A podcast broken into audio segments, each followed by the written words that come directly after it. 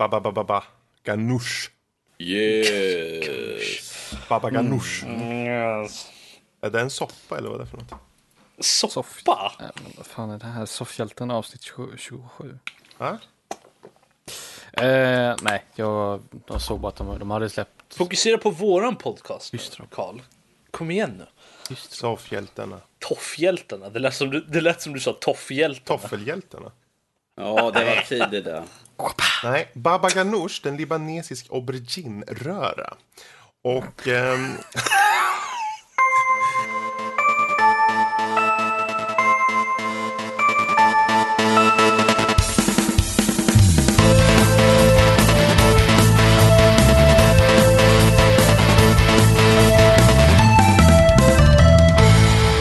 Hej och välkomna till Nördliv! En podcast om spel och nörderi av alla slag. Och eh, även spelpodden med störst medelantal på djupa suckar.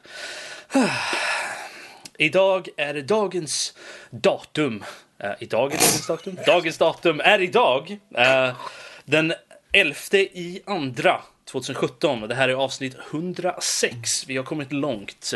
Eh, idag så har jag med mig eh, lite Fredrik. Ja. Ja, och eh, en, en Karl. Ja, jag gillar hur du hade lite redundans i talet där. Ifall någonting av det skulle fallera så hade du lite annan del som kunde hålla upp det hela där. Så att, Precis, snyggt. det är, bra. Det är Max Det är får klippa i det där i efterhand liksom, så att det låter bra. Och eh, sist av vi är, eller om vi er, så är det Danny, gammelmorbrorn. Alltså jag vet inte ifall du kan rädda det här Robert. Det är katastrof från början till slut. det. Sådär. Men det var ju bra att du det. valde just den där sloganen med sucka, för du började på en inandning. Det var som en är så- inverterad suck.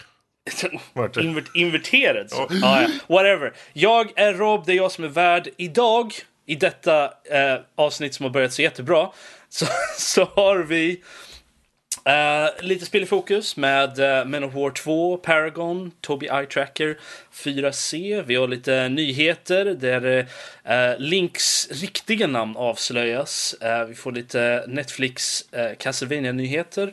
Overwatch har lite problem med input. Veckans diskussion är, är spelguider en bra eller dålig sak? Och på övriga nördämnen har vi eh, lite anime och en eh, film som heter A Monster Calls. Och några lyssnarmail där på slutet. Men eh, innan vi tar och börjar så tänkte jag bara nämna att vi, vi Nördliv är eh, nominerade av M3 till Årets Spelpodcast. Så ni får gärna gå in på vår hemsida eller kolla på vår Twitter för mer info och gärna ta och rösta lite smått på oss. Vi skulle uppskatta det väldigt, väldigt mycket. Eller hur? Mm. De har ju chans att vinna spel för 10 000 om de gör det. Yes. Så att eh, det är helt värt att gå in och rösta lite på Nördliv. Kom ihåg, Nördliv. Det är vi, det är vi Nördliv ska. I alla fall, vi, vi, vi går röst vidare till Spel i fokus. Karl, Men of War 2. Men of War 2. Stämmer. Det var vår kära vän till showen och lyssnare Daniel Saxin hade dragit in mig i denna eh, soppa som är Men of War 2. Eh, spelet är som man kan tänka sig ett eh, andra världskrigets strategispel då.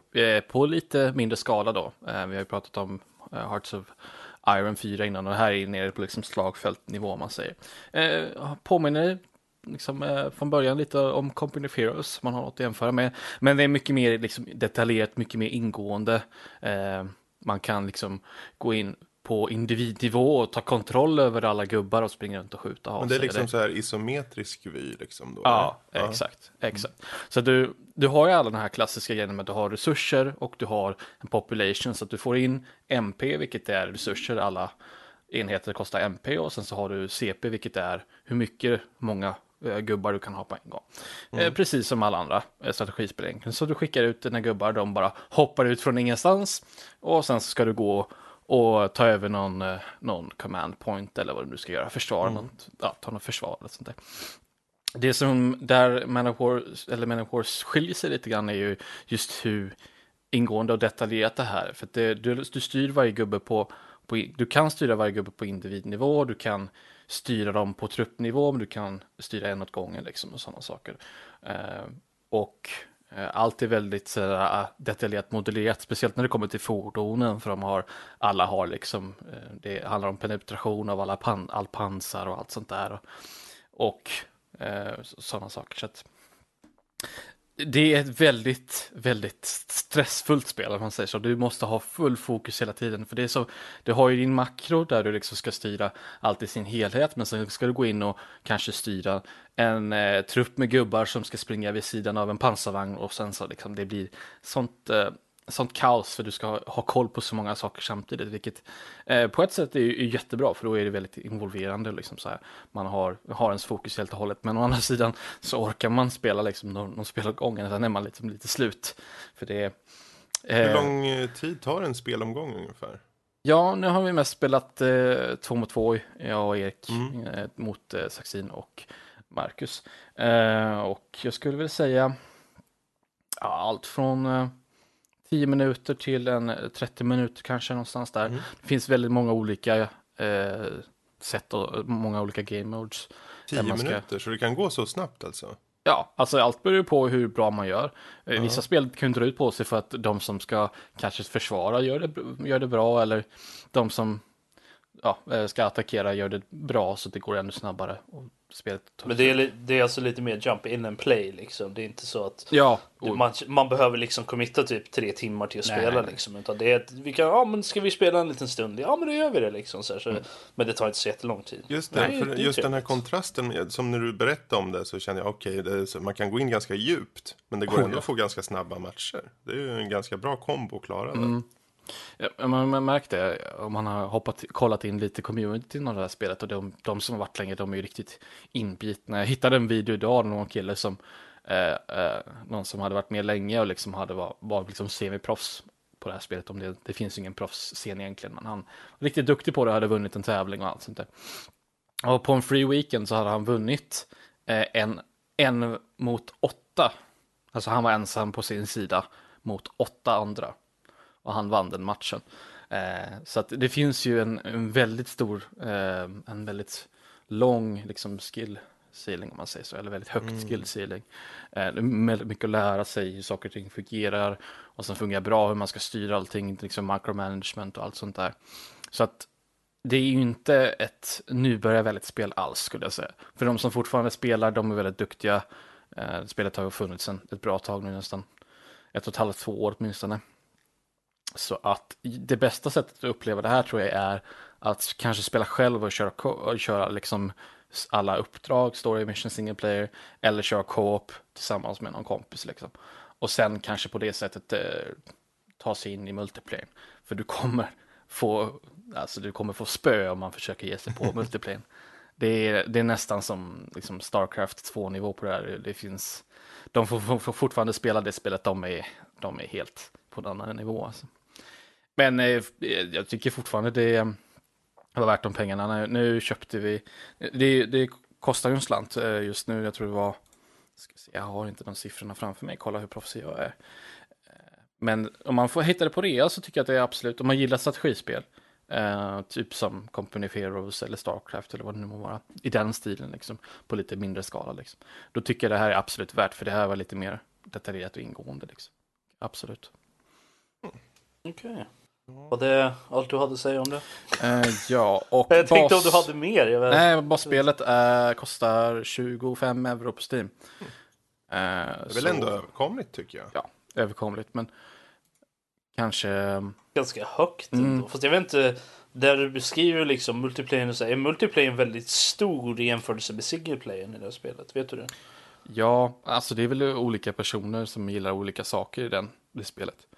Ja men jag tänker liksom som, det finns ju många spel som är Call of Duty och många av de där. Mm. Där är ju, där känns det som single player blir väldigt ofta eh, minimaliserad i jämförelse med multiplayer Mm, i, i liksom spelvärlden. Nu och så. förstår jag vad du tänker, men, men singleplayen kan vara expanderad. För dels så finns det det som är egenutvecklat av de som har gjort spelet. Eh, Men sen finns det också mycket workshop-content, så fansen själva har portat över eh, uppdrag från eh, de tidigare spelen, har jag fått höra. Och sådana okej. saker. Så det finns mycket single player-content också. Så jag personligen skulle ju påstå att det finns mycket av båda två om man skulle vilja det. Okej. Jag ser ju också att då det finns ju... co-op support, ren co-op support Ja, för dem. ja precis. Så att det, det ska jag nog ge mig an också, att uh, sätta mig ner och köra lite co-op-uppdrag. också, Mm. Ja, men det låter jättebra. Ja, men eh, då tackar vi för den. uh, lilla, fina, fina titeln på det. Eh, och hoppar vidare till Danny. Tobii Eye Tracker 4C har du uh, suttit och lekt med. Yes. Hur, hur var det? Eh, det var faktiskt riktigt intressant. Eh, Jag vet att vi pratade om uh, Tobii Eye Tracker för länge, länge sedan. Eh, Men eh, för de som inte vet vad det är för någonting, kan du förklara? Yes, Tobii Eye Tracker är en... Ja, vad ska man säga? Det är en uh, liten rolig sak som man fäster på sin monitor som läser av positioner av dina ögon och ser vart du tittar på skärmen eller hur du rör ditt... I 4C så har de infört en funktion som följer också hur du rör på ditt huvud som gör att du kan styra i spel, titta runt, titta på objekt, eh, helt enkelt göra en helt ny upplevelse i spelet så att säga. Eh, man ser det på ett helt nytt sätt. Mamma, mamma, mamma. Eh, Nej, ja, jag vet. Jag vet, jag skrev det också på när jag gjorde recensionen. Men, men ehm, det är helt enkelt en, en extra... Ett, ett extra tillbehör vill säga för att eh, spela spel på ett helt nytt sätt. Eh, eller som sagt, få en helt ny insyn på det, hur man tittar och hur man upplever spelen eh, rent allmänt. Eh, ta ett exempel, jag spelade eh, Rise of the Tomb Raider. Introt för spelet så är man uppe på, i berget och istället för att liksom titta runt med, jag spelar med handkontroll, istället för höger thumbstick så tittar jag omkring med att bara använda mina ögon eller vrida på huvudet för att då kunna titta runt i min omgivning, vilket var en, gör det mer en naturlig känsla i hur man tittar omkring i spelet. Eh, samma sak i Dying Light också, eh, som är ur ett första person, gör att det blir eh, Ja, det är som sagt en helt, an, en helt ny upplevelse. Det var väldigt intressant. Speciellt också när man springer omkring med ficklampan. Och där jag tittar på skärmen så ser man att ljuset följer efter. Vilket kändes lite skumt. Jag tänkte så här, Ghostbusters 2. Hmm, känns lite grann som det. Men jag tycker det är väldigt, väldigt intressant. Och i talande stund så har de 40 plus spel eh, som har den här funktionen integrerad.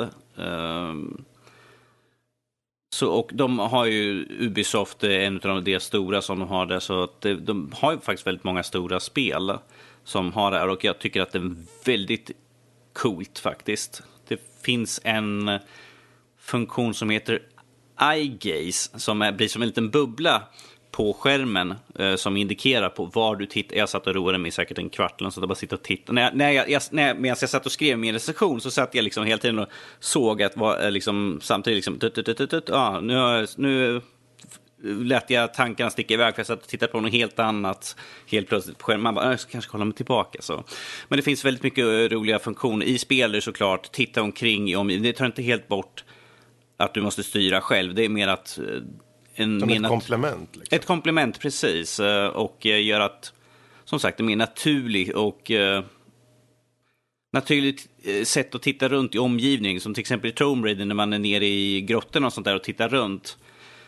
Så, så det känns mer följsamt än att liksom sitta och styra på kontrollen. Eh, som sagt, beroende på vilket spel och hur de har liksom eh, arbetat in programvaran så är de ju olika följsamma. Eh, det får man ju ta från spel till spel egentligen och se hur det fungerar. Men mm.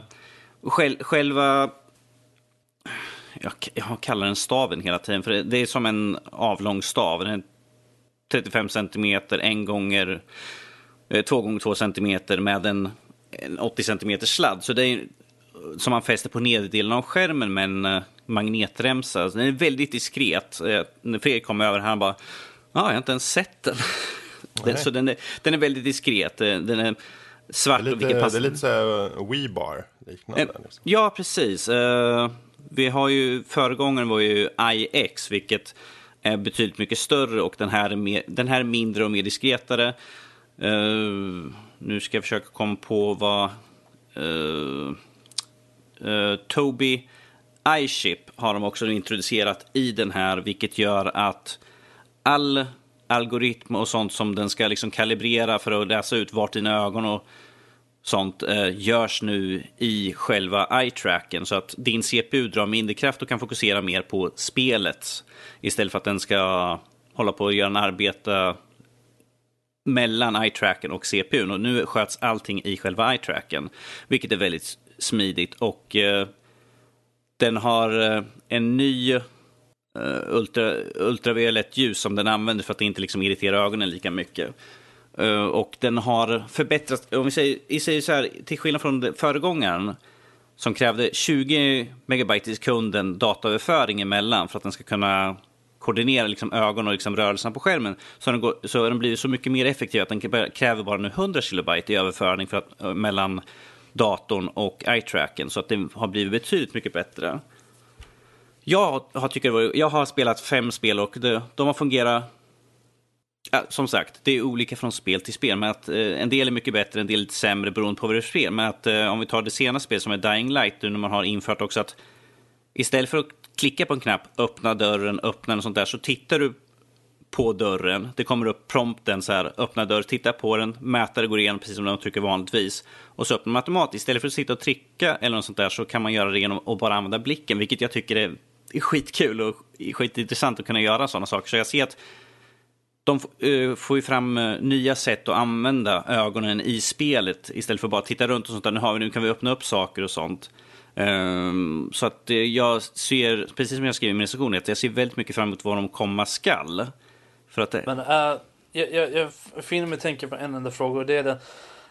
känner du att det här liksom effektivis kan effektivisera spel på något sätt? Så du, eller är det mer omständigt att använda den här än att faktiskt bara trycka på knappen. Ja, det är ju helt klart roligare kanske och liksom lite intressantare. Men är det mer av en gimmick eller skulle du säga liksom att det är någonting som faktiskt kan komplementera spel ordentligt? Om vi säger så här, i början när jag började testa den så sure, då tänkte man så här, det är, precis som väldigt må många nya saker, att den gimmick, det, det kommer att gå. Men att det är ju liksom en inlärningskurva att gå ifrån att trycka, styra för att titta runt och liksom trycka på en knapp, speciellt när jag körde Dying Light.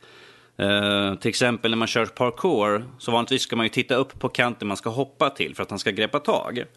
Uh, nu istället så tar du själv använder din egna, liksom, böjer upp huvudet som att du tittar upp mot kanten och liksom bara uh, klickar för att hoppa. Så du behöver inte göra liksom, ett extra moment, utan att det är efter ett tag så blir det väldigt smidigt och liksom naturlig del att det är, det är, bara så du spelar helt enkelt. Så det är en inlärningskurva så att det kan effektivisera ganska bra sådär, vilket jag märkte också i Tomb Raider. Okay. Istället för att sitta och styra runt en massa så kunde jag liksom gå och eh, liksom bara genom att vrida på huvudet. Eller bara sitta liksom stirra rakt på skärmen och eh, titta bara med ögonen utåt kanten och sånt där. Så det, det blev en naturlig del efter ett tag. Så jag, jag... Det, lå det, låter ju som att det, det, det är någonting som inte bara är en en, en gimmick. Då, Nej, precis. Mer, jag, jag, jag, jag skrev det också att väldigt många kommer att tänka liksom, ja men det är en gimmick, det är ju bara en fjomke. Men jag tycker, jag tycker att det, den tillför ganska mycket till spelet. Det, det, ja, jag, jag tycker det är väldigt bra. Eh, jag gav den ju ett bra köp, vilket är vårt mm. uh, next högsta utmärkelse här på, i Nördriview. Så jag, jag, tycker att den är helt klart värd pengarna. Så. Och den, den, till, den tillför också till hur man spelar också. Det är... en, eh, en tanke som jag vill flika in då. Jag kan personligen tycka att ja, men, den känns lite gimmicky, kanske inte har så mycket tillföra. Jag har inte använt den, men det känns lite så för det kanske mm. i slutändan så har det ju att göra med hur spelutvecklarna implementerar alla funktioner och allt sånt där. Mm. Ja, eh, om ett tag kanske de bryr, slutar bry sig om att implementera någonting. Men det jag tänkte med var att det här kan ju vara som ett hjälpmedel för dem som kanske har någon slags eh, fysiskt handikapp, tänker jag då. Ja, alltså, alltså det, här, det, här, tog, det här tog vi upp. Precis, vi tog ju upp det när vi pratade om det första gången. Att mm. Det är ju både, den här används ju både Alltså själva den här funktionen används ju både i, för folk med funktionshinder. Som till mm. exempel de som tittar på skärmar och sånt där. Den läser av liksom var du tittar på skärmen så kan du liksom, eh, om du har att du inte kan prata och sånt där, är handikappad. Eh, så, så är det ju sånt som hjälper till för dig att kunna skriva ord och liksom få det uppläst. Eh. Så att det är ju både, används ju både inom medicinskt och nu i spel. Så att den har ju en funktionalitet i båda mm. världarna. Fanns där, ja. den möjligheten i det här, Tobii Eye Tracker? Eh, du menar för att skriva någonting? Ja, eller rent allmänt så här olika program eller liknande för att använda eh, i Windows. I Windows så det finns funktionalitet också där, till exempel eh, mm, eh, att eh, flippa mellan fönster och sånt. Eh, du kan ställa in kortkommandon till exempel att om du har flera fönster öppet eller något sånt där, du tittar på eh, där programmet, istället för att sitta och allt tabba igenom jag har väldigt många program uppe ibland, så det tar en stund att gå igenom. Så istället för att sitta allt tabba igenom så kan du liksom titta på den du använder och så trycker du ett kort kommando och så tar den automatiskt och öppnar upp det här programmet som du använder. Det, alltså, det här är som sagt en inlärningsgrej, vilket jag har märkt själv. Eller ifall du vill snabbt komma åt Uh, istället för att sitta och, ifall du sitter och skriver en massa och, bara, och tänker att uh, jag skulle vilja ta styra upp musen till dit, för jag vill klicka i och använda där uppe, så genom ett knapptryck du tittar, trycker på knappen och musen är där automatiskt. Det är en sån här... Mm. Det är en vanlig sak. Uh, jag vet ju... För mig, jag, förut var det liksom att jag skulle liksom styra musen och klicka allting. Sen komma in på kortkommando. Här är det en till ny grej, liksom att använda blicken, liksom flytta och sånt. Uh, så att det finns ju väldigt många sådana saker. De har ju också den här att...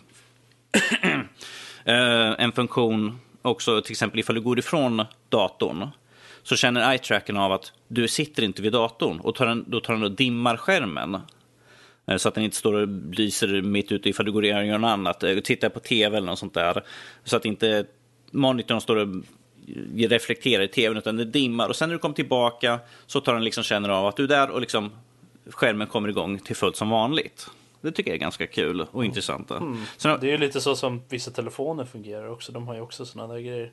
Precis. Uh, Ja, men äh, i, i slut så tycker du att det är bra? Ja, det gör jag. jag. Jag tycker att den här är helt klart, för den som är intresserad äh, och vill testa på något nytt, så tycker jag att den är helt klart värd. som sagt. Något som du skulle skaffa själv? Oh ja, den här skulle jag gärna ha själv. Det, jag, tycker, jag tycker det är kul och som sagt, vi har det kommer ut massvis med nya spel. Vi har ju en, det kom, alltså de släpper ju hela tiden. Det var ju Rise of the Tomb Raider, det var det när jag fick den för att börja testa som var den senaste. Nu har vi Dying Light. Uh, jag måste titta här snabbt vilka var det jag hade här nu. Dying Light Restomer, Deus X, uh, eh, Steep är också, vilket uh, var ganska kul. Man slänger sig ut i wingsuit så kan man liksom titta åt höger och vänster. Uh, eller man kör tävlingar så kan man liksom bara titta åt hörnet istället för att sticka och styra. Liksom fokusera på liksom göra tricks och sånt man kör, ska man liksom titta åt sidan och se vad ens konkurrenter gör för någonting, hur de ligger till. Utan att behöva liksom vrida runt, för då, kommer, då kör jag ute i ett trä eller något sånt där. Som vanligt. Okej. Okay.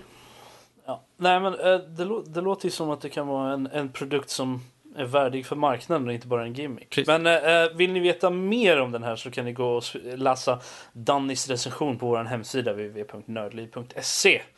Uh, och med det så hoppar vi över till Karl igen. Du har spelat ett annat, ett ytterligare spel. Har ett nytt spel.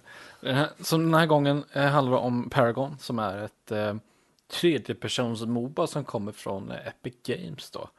Eh, så det är igen ett spel som man kanske har sett tidigare eller en formeln har man sett liksom tidigare så det är den här eh, de här tre stycken eh, Eh, Eh, ja, vad ska man säga, filerna och så kommer det minions som springer och slåss och ska man skjuta ner torn och man har, alla har massa olika karaktärer med olika abilities och sånt där. Där det skiljer sig ju att det är mer som, som sagt i tredje person då, så det är mer som, eh, som Smite då egentligen. Uh, istället för att man har den här isometriska perspektivet i LOL och då, Dota. Det är ju free to play så att jag tycker att det är värt ett, ett försök för jag hade väldigt trevligt med det. det um, Alltså väldigt, väldigt kul ändå. Alltså jag har inte så mycket mer att säga om saken ändå. Um, massa olika spännande karaktärer med, som, liksom, ja, med de olika kategorierna man kan se, man har sett tidigare då egentligen. Alltså med, med support och, och liksom melee och, och liksom ranged och alla sådana här saker. Healer och allt, allt vad det nu kan vara liksom. Uh, och att det är uh, tredjepersons gör ju det lite mer involverat kan jag tycka också. För du får ju, om du har kanske någon range character som, som jag sprang runt med en kille som heter Murdoch. Eh, mm. Som har någon slags hagelbössa av något slag. Eh, då blir det lite mer involverat med att du får sikta och, och greja och dona. Och det var lite, föll mig lite mer smaken än, än eh, det symmetriska perspektivet i Dota. Där liksom har jag mm. från och ner sådär. Uh, jag är lite nyfiken bara, förlåt. Men jag ska bara fråga. Mm. Det här är ju Epic Games. Mm. De brukar ju vara väldigt smidiga med det här med spelmotorer. Jajamän. Um, hur, hur ter sig den här då? Är det någon ny motor eller är det någon gammal Unreal-motor liksom? nu satte du mig verkligen på plats alltså. Jag tror jag okay. inte. Eh, om du ger mig en sekund ska jag säkert kunna ta reda på det. Men, ja. uh, men uh, det ja, jag, jag säga det, det, det vore det... intressant att veta. Jag tror det är Unreal Engine 4. Det borde ju vara en Unreal ja, Engine såklart. Men um, jag tänker om det är någonting som ja. är nytt liksom. Det vore coolt att det är veta. Unreal, det är Unreal Engine 4 det är. Ja, okej. Okay. Ja, nej men då så. Um, är det snyggt liksom då? För de ja. brukar ju vara jävligt snygga de här spelen. Och flyter det på bra för att vara en... Uh... Menar... Nu har jag liksom dåligt perspektiv egentligen. Ja, liksom, min dator är så bra. Men eh, sitter jag här och skryter om min dator. Så cry, cry. Alla andra wow. är, oh, ni kan bara försvinna ur min skugga. Ah, nej. Eh, Jösses. Nej, men det är väldigt, jag tror vi går snyggt. vidare nu från Karl. Jag vill inte höra Det är faktiskt honom. väldigt snyggt och det flyter på väldigt bra också. Jag säger det, det är väldigt skalbart. Jag, jag har en kompis som har en gaming-laptop som har den på nacken och när den väl köptes så var den inte så bra heller. Så och där, han har inget att säga om det. Liksom, skruva ner lite på detaljerna. Det är liksom inte har så mycket anti-aliasing så det flyter mm. på fint. Ja, eh, det är kul. lite det man har förväntat sig från, från uh, Unreal än ja. det här laget. Liksom. Eh, skalbart är väl eh, ordet som kommer upp mycket mm. egentligen. Och det här är helt free to play idag? Så det är, helt, eh, det är inte så här någon beta eller någonting sånt? Nej, alltså det är betastadie vad jag förstår det som. Eh, men det är ändå liksom eh, fritt att, att, få tillgång till. Mm. Eh, det man behöver är ju deras Epic Games Launcher. Och där får du tillgång till till inte bara Paragon, men du får ju Unreal Engine också. Eller vad säger jag, Unreal, eh, Unreal Tournament också. Mm. Det som är det nyaste. Som också för övrigt är free to play. Um, men det finns men, uh... ett sista aspekt som jag vill lägga till där är ju de har ju sådana här som är lite annorlunda från allt annat. Jag ska inte säga att det här är liksom cookie cutter som ja, det är väldigt liknande. Det, det som skiljer sig åt är lite hur de sköter hur man levlar upp och sånt där. Istället, du har ju, alla har ju sina abilities då som de kan du levla upp eh, och liksom förbättra. Sådana saker, active abilities. Men sen så har du också så här passiva, du har liksom kort, du kan skapa kortlekar och sånt där som du kan, du kan samla det på genom att öppna kortpaket. Det är väl lite där prismodellen kommer åt, du köper paket och så får du nya kort. Oh. Så du kan skapa en lek som ger dig passiva förbättringar under spelets gång då. När du dödar minions och sånt där och dödar andra champions då så får du poäng som du kan använda för att köpa kort i den matchen då och på så sätt blir man starkare då under matchens gång. Liksom. Så det är väl egentligen den stora skillnaden. I allt annat så, i annars så finns det egentligen ingenting som man inte har sett innan. Det var ett väldigt välpolerat liksom tredje persons Moba då, egentligen. Mm. Okej, okay. vart, eh, vart kunde man få tag på det sa du? Eh, Epic launcher. Games Epic Launcher. Launcher. Så det är epicgames.com helt enkelt. Okej, okay. ja, men det låter bra. Vi tar och uh, tar ett sista spel här. Uh, ja. Fredrik. Mm. Du hade kört lite Witcher 3 här, mm, hörde jag. Vi kommer ju nu till sessionen här sent i partyt, som det kallas. Ja. Uh, yt 2015 års måste, bästa spel enligt många. Tog, måste bara fråga lite, tog du inspiration av mig eller var det bara av en slump att testa det där? Eller, eller fick jag... Uh, jag kommer inte riktigt ihåg det. Jag tog och köpte det nu in, i julas, ja, uh, innan precis, jag åkte ja. till Thailand. Mm. För att jag tror det var en rea. Jag tänkte, åh, mm. Det var väldigt bra rea i, i vintras faktiskt. De fick eh, all, alla content, alltså hela mm. spelet och all DLC för 35 euro. Tror jag. Yes. Ja, men jag slog till då precis innan jag åkte till Thailand. Och det var typ ett par dagar innan jag kom på mig själv sittandes. Fan. Jag äntligen hittade ett spel som jag känner att det här vill jag väl köra skiten ur. Det var ett tag sedan. Eh, och så där... åk, åker du någonstans där det är varmt och skönt och mm. usch. Ja, alltså visst, de tankarna försvann ganska snabbt sen.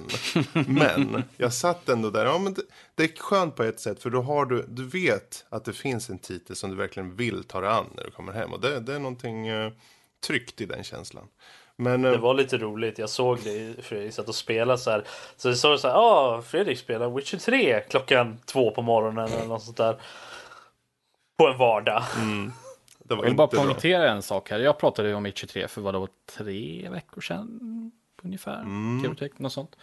Något sånt. Um, jag hade då spelat typ 30 timmar. Nu är jag uppe i 40 timmar ungefär. Så jag, har inte, jag, har, jag är mycket, varierar mycket fram och tillbaka vad gällande, som ni hör, liksom Paragon och allt det där. Nu, nu är det Forerunner Open Beta och allt vad det nu må vara. Så jag varierar mig mycket fram och tillbaka. Uh, mm. Men i alla fall, Fredrik kommer tillbaka för vadå, två, två veckor sedan. Och har redan blåst förbi mig två, ja, tre veckor sedan. Redan blåst, för, blåst förbi mig i speltid och har vadå eh, 60, 60, eh, 60 timmar speltid. Ja. Du, Eh, Jag har ju kört igenom det. Jag, jag tänker inte gå igenom vad, vad det handlar om och sånt. För alla där ute, ni har hört talas om Witcher 3. Jag kan säga att för mig personligen, det, det här är ett skitbra spel. Och det är inte heller någon nyhet för någon som har rört vid titeln liksom. Eh, uppdragen är inte bara varierade, de är liksom unika. Du har små berättelser i sidouppdragen som känns med mycket dialog.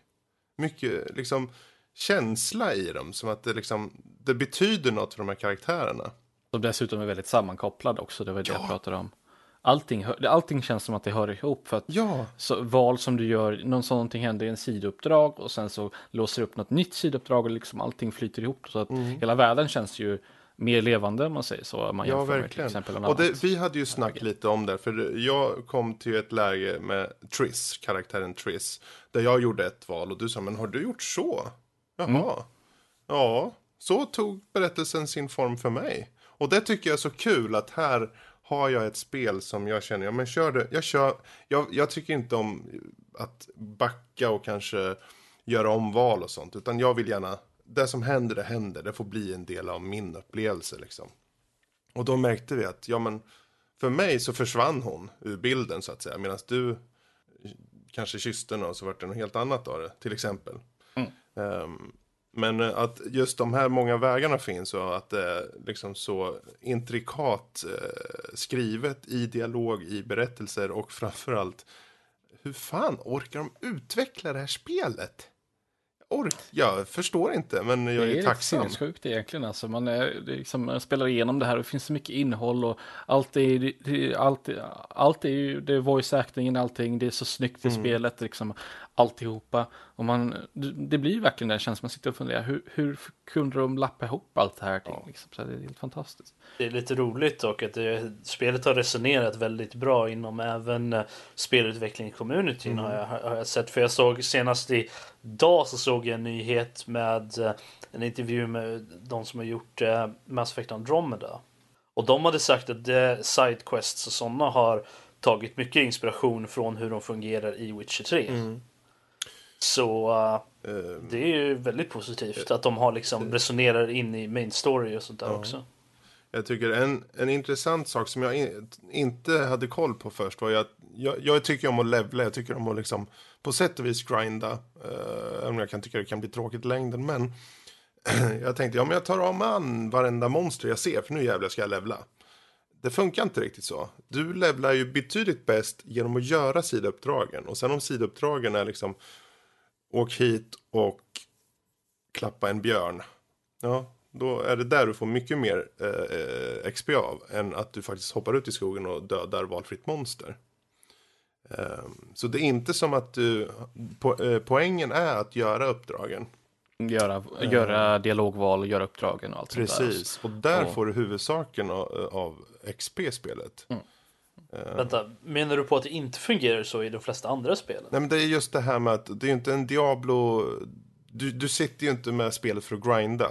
Det finns ju många Jaha, som... du, tänk, du tänker så, okej. Ja, för det är ju För ett jag- RPG. Många tänker, ja, men RPG, det kanske är hack and slash. Det kanske är liksom, för det, är ju, det har ju det där att, det är ju mycket, det är ju mycket fighting i det här spelet. Det är ju väldigt mycket. Om du vill så kan du verkligen ta dig an monster på väldigt coola fighter och, och så. Och då kan man ju lätt tro att, ja men då kanske är mycket XP du går upp där, men det är ganska lite. Nej, För att, för att jag känner igen det där. Alltså det är många spel som jag har spelat som är alltså RPG-baserade och sånt där. Där de faktiskt är så att du får mest XP när du går och gör questen. Det är därför man går och gör dem. För att levla upp. Jag menar, ja du kan grinda monster också. Speciellt om de är högre level än dig. Men det tar ju mycket ur dig och det är betydligt enklare och bättre att gå och göra questen Och istället. här är det ju egentligen inte som, till och med om jag tar mig an en jättesvår eh, nivå på monster så kanske inte jag, jag får inte någon XP knappt alls ändå för det. Utan det, det är huvudsaken i uppdragen och så. Eh, Men, Ja. Ja, De, nej. och de, en sista punkt, de uppmuntrar ju egentligen att man ska grinda lite, eller inte grinda, men du ska levla upp ordentligt också. För det finns ju ingen level scaling i det här spelet, utan uh, monstren är de nivån de är och sen så får man liksom lite hantera det. Eh, och sätter man på en, en eh, level 40 eh, spindel när man är level 10 så får man eh, finna sig i det och komma tillbaka när man är i högre level. Precis. Och det, det bäddar lite för, um, en, en, verkligen en egen upplevelse. För jag kommer ihåg att jag, jag såg en sån här Griffin som flög runt på någon ås någonstans. Jag tänkte, jävlar den där, nu ska vi ta den där jäveln. Men den var ju astuff, för den hade en nivå som, det var bara två frågetecken liksom. Det, den kunde inte ens visa vilken nivå, så stark var den. Men ja, okej. Okay. Mm, ja, jag, jag drar vidare, lät han vara. Och sen kom jag tillbaka när jag fortfarande inte var lika stark. Och så tänkte jag, ja men nu är det min tid. Så jag tog mig tid och slogs med den där. Eh, och efter lång tid så högg jag huvudet av den, om vi säger så. Då. Eh, och det blev på sätt och vis som en del av berättelsen snarare. För det var ju inte som att jag var jakt på XP'n där. Utan då var det ju verkligen det här, nej men jag ska ta den här jäveln. Så det blev som en annan känsla i det. För i vanliga fall är det, ser man ett stort monster i Diablo och tänker, åh fan nu jävlar, nu blir det både loot och XP här. Det tänkte jag inte då. Utan då tänkte jag bara, nu, nu ska vi se här om jag klarar den här. Och så hoppar man runt, försöker använda rätt eh, liksom skill, eh, sån här magi-grej och, och ta ut dem. Och så, du vet ju Kalle det här med att man kanske ska, man ska doppa sina blad i mm. eh, rätt potion. Man ska göra oljor och grejer. Precis, så det är ju lite strategi i också. För du kan ju verkligen ta ut kanske de starkaste monstren, om du, eller starkare monstren tidigare än du borde kunna. Om mm. du gör på rätt sätt. Många av questen är uppbyggda på så sätt att du får någon ledtråd av någon. Mm. Antingen att du blir anlitad och gör något uppdrag och döda någon, eh, något monster eller något spöke eller sånt där. Och då får du lite information, du får gå runt och spå, spåra lite grann. Ja, mm. men då får du reda på, ja men det är en sån här och de är svaga mot det här och då kan du få en chans. Och, ja men då behöver jag gå och köpa lite, eller plocka lite ingredienser och göra någon olja så kan jag gå och slå den mycket enklare. Precis. Tidigare. Du förresten, och det här just, du sa spårningen där, det är mm. ju så underbart. Jag älskar spårningen. Det, det, jag får så här Batman Arkham-vibbar direkt när jag går in i det där tracking mode. Och så mm. letar man långa stigar och man kollar, okej, okay, har han gått genom vattnet eller har han gått upp ja, för berget? Jag måste ju bara berätta det. Jag pratade, nämnde det för Danne innan, innan vi började spela in här. Jag spelade lite Witcher 3 innan och du har säkert varit förbi det här uppdraget också. Men nu hoppar vi in lite in med dess rest här. Men, men äh, tänker att jag ska, jag ska hitta en skomakare för han ska på något sätt hjälpa mig att komma vidare i storyn. Eller en quest som jag håller på med. Och jag sitter och går igenom en skog där han någonstans ska vara. Och man går runt här och man bara hittar sko efter sko efter sko ja. hela tiden. Man bara hittar fler och fler skor. Man bara, Alltså, jag fattar att han är en skomakare, men det är inte riktigt så. Man, så, så han släppt skor som skor jag, efter sig. Slänga skor efter sig. Brödspår. ja, lite så. Tyckte, ja. Det var lite, det måste ju varit ett internt. Han som designade den questen, han måste, kan ju, nej, han tyckte, nej. Det är tyckte väldigt många väldesignade quest, både till utseende och till story. Jag kommer ihåg det här, ett quest man kommer ut i något träsk, där det finns tre häxor. Och hela upplägget känns lite Hans och Greta. Och det är ju inspiration från där, men de har tagit en väldigt, väldigt annan twist på det hela. Och det finns sådana här lite inslag av klassiska sagor på en del små uppdrag som, som man känner igen. Little Red Riding Hood fanns ju med på ett sätt. Jag vet inte om de kommit dit än. Jo, och sen Askungen fanns med på lite tidigare quest ja. också. Men, ja.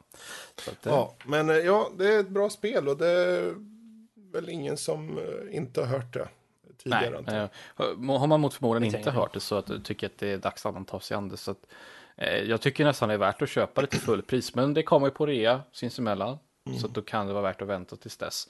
Men det är ett spel som är så värt dina pengar, 100%. Så, över till dig Rob. Ja, men det, det låter jättebra. Vi får se om jag någonsin har råd med det spelet. jag vill gärna ta mig igenom de första två innan jag börjar ta mig an trean. Det men, behöver du inte. Ja. Nej, jag har hört att man inte behöver det, men jag känner att det är, det är en sådär compulsion som jag har mm. på något sätt. Då kommer mm. du aldrig orka till trean kan jag säga. Nej, det kommer jag säkert inte göra. Men gör som, jag gör som, gör som Fredrik istället och börjar med trean. Mm. Jag har ju kört både ettan och tvåan, typ en kvart ja. styck.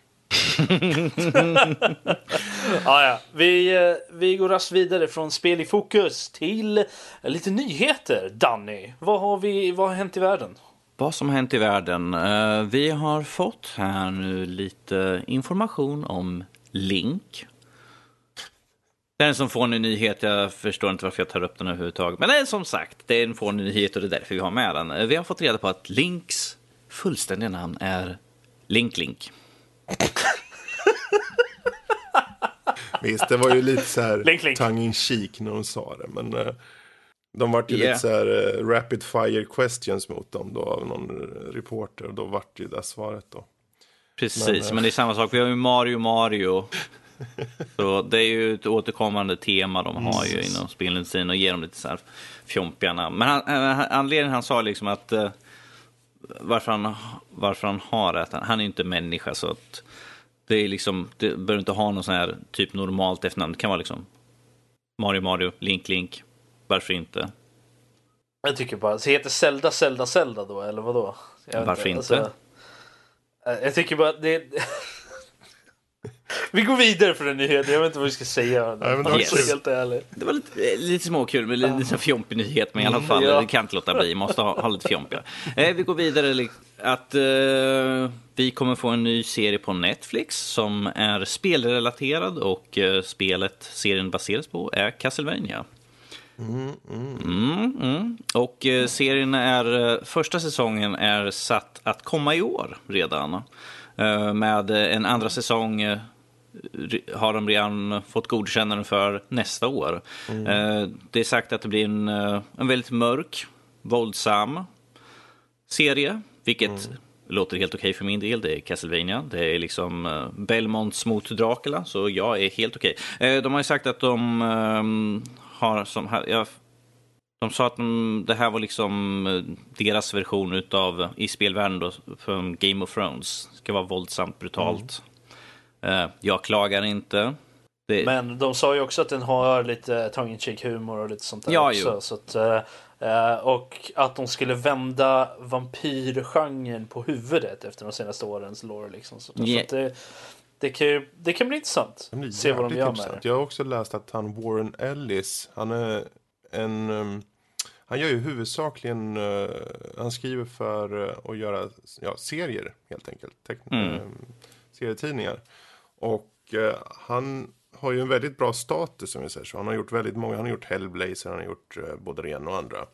Eh, det är väl nog där jag känner igen honom ifrån. Ehm, och ehm, han har ju en ganska gritty, ganska rå stil. Mycket fo- folklore och eh, mycket blandning av just eh, idéer och så vad gäller eh, nanoteknologi, cryonic, alltså massa olika så här teknologier. Men också just det här klassiska med vampyrer och allt sånt. Så jag tror att eh, de har, dels har de ju Netflix i ryggen, den kommer komma 2018 enligt dem redan, som sagt. Och- 2017, den kommer i år, första säsongen. Okej, ja. Eh, och eh, sen så liksom R-rated. Ja, jag tror fan det här kan vi se. Till att börja med så är det en tv-serie. Mm.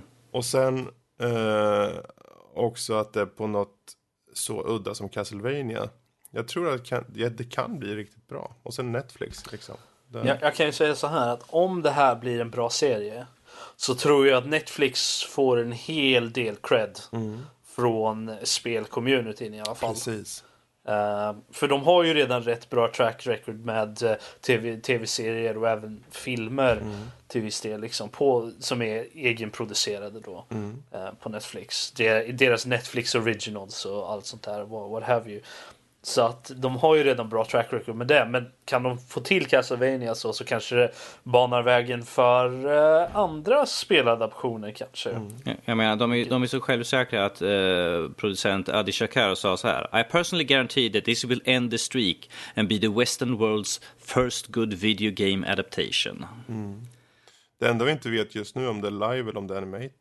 animated. Eh, ja, det har... De har jag- jag- suggested, står det, att det kan bli animated. Men det är inte helt klart än. Mm, fast det är ju för att... eh, ja, det är som Förmodligen sagt... är det för det- att Warren Ellis är Precis. attached. Eh, som han är, gör ju såna här graphical, graphic novels. eh, Mm. Så. Men att för min del, jag, jag bryr mig faktiskt inte ifall den blir animerad eller live. Nej, det, jag tycker det ska, intressant bli, det ska bli coolt, coolt vilket som. Det är intressant oavsett, men eh, det är lite annan. Det blir en liten annan, eh, vad ska man säga, reception huruvida det är eh, live action eller animerat. Mm. För där vi har haft, så, för det finns ju bra speladaptioner som faktiskt är typ så anime-aktiga och sådär japanerna har gjort liksom sånt där. Som har bra, relativt bra speladaptioner från spel då liksom. Men det är ju live action vi inte har sett som eh, där de inte har gjort speciellt bra ifrån sig direkt. Eh, någonsin. Så kan de göra det, gör de det live action och det blir bra, det är då som de verkligen får bra. Sen säger jag inte att det inte, de är, att det inte eh, är dåligt. Det, det, är inte dåligt om de gör det till en, eh, en tecknad heller. Eller animerad. Mm. Anyway, moving on. Yes. Vi går vidare här till Blizzard och lite Overwatch där uh, communityt har beklagat sig över att på konsol så finns det folk som sitter och kör med mus och tangentbord, dock via adapter, men att de beklagar sig över att de har en fördel över de som kör med handkontroll.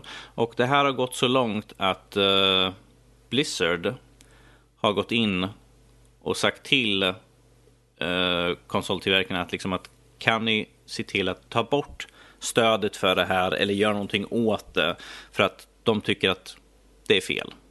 Till och med Blizzard anser att det är fel att folk ska kunna sitta med tangentbord och mus som det ger en fördel såklart, eh, mer precision och sånt än på eh, en handkontroll och har liksom sagt att de vill att de, de, de uppmanar dem att ta bort liksom stödet för det så att alla är på samma nivå i, när det gäller spelet.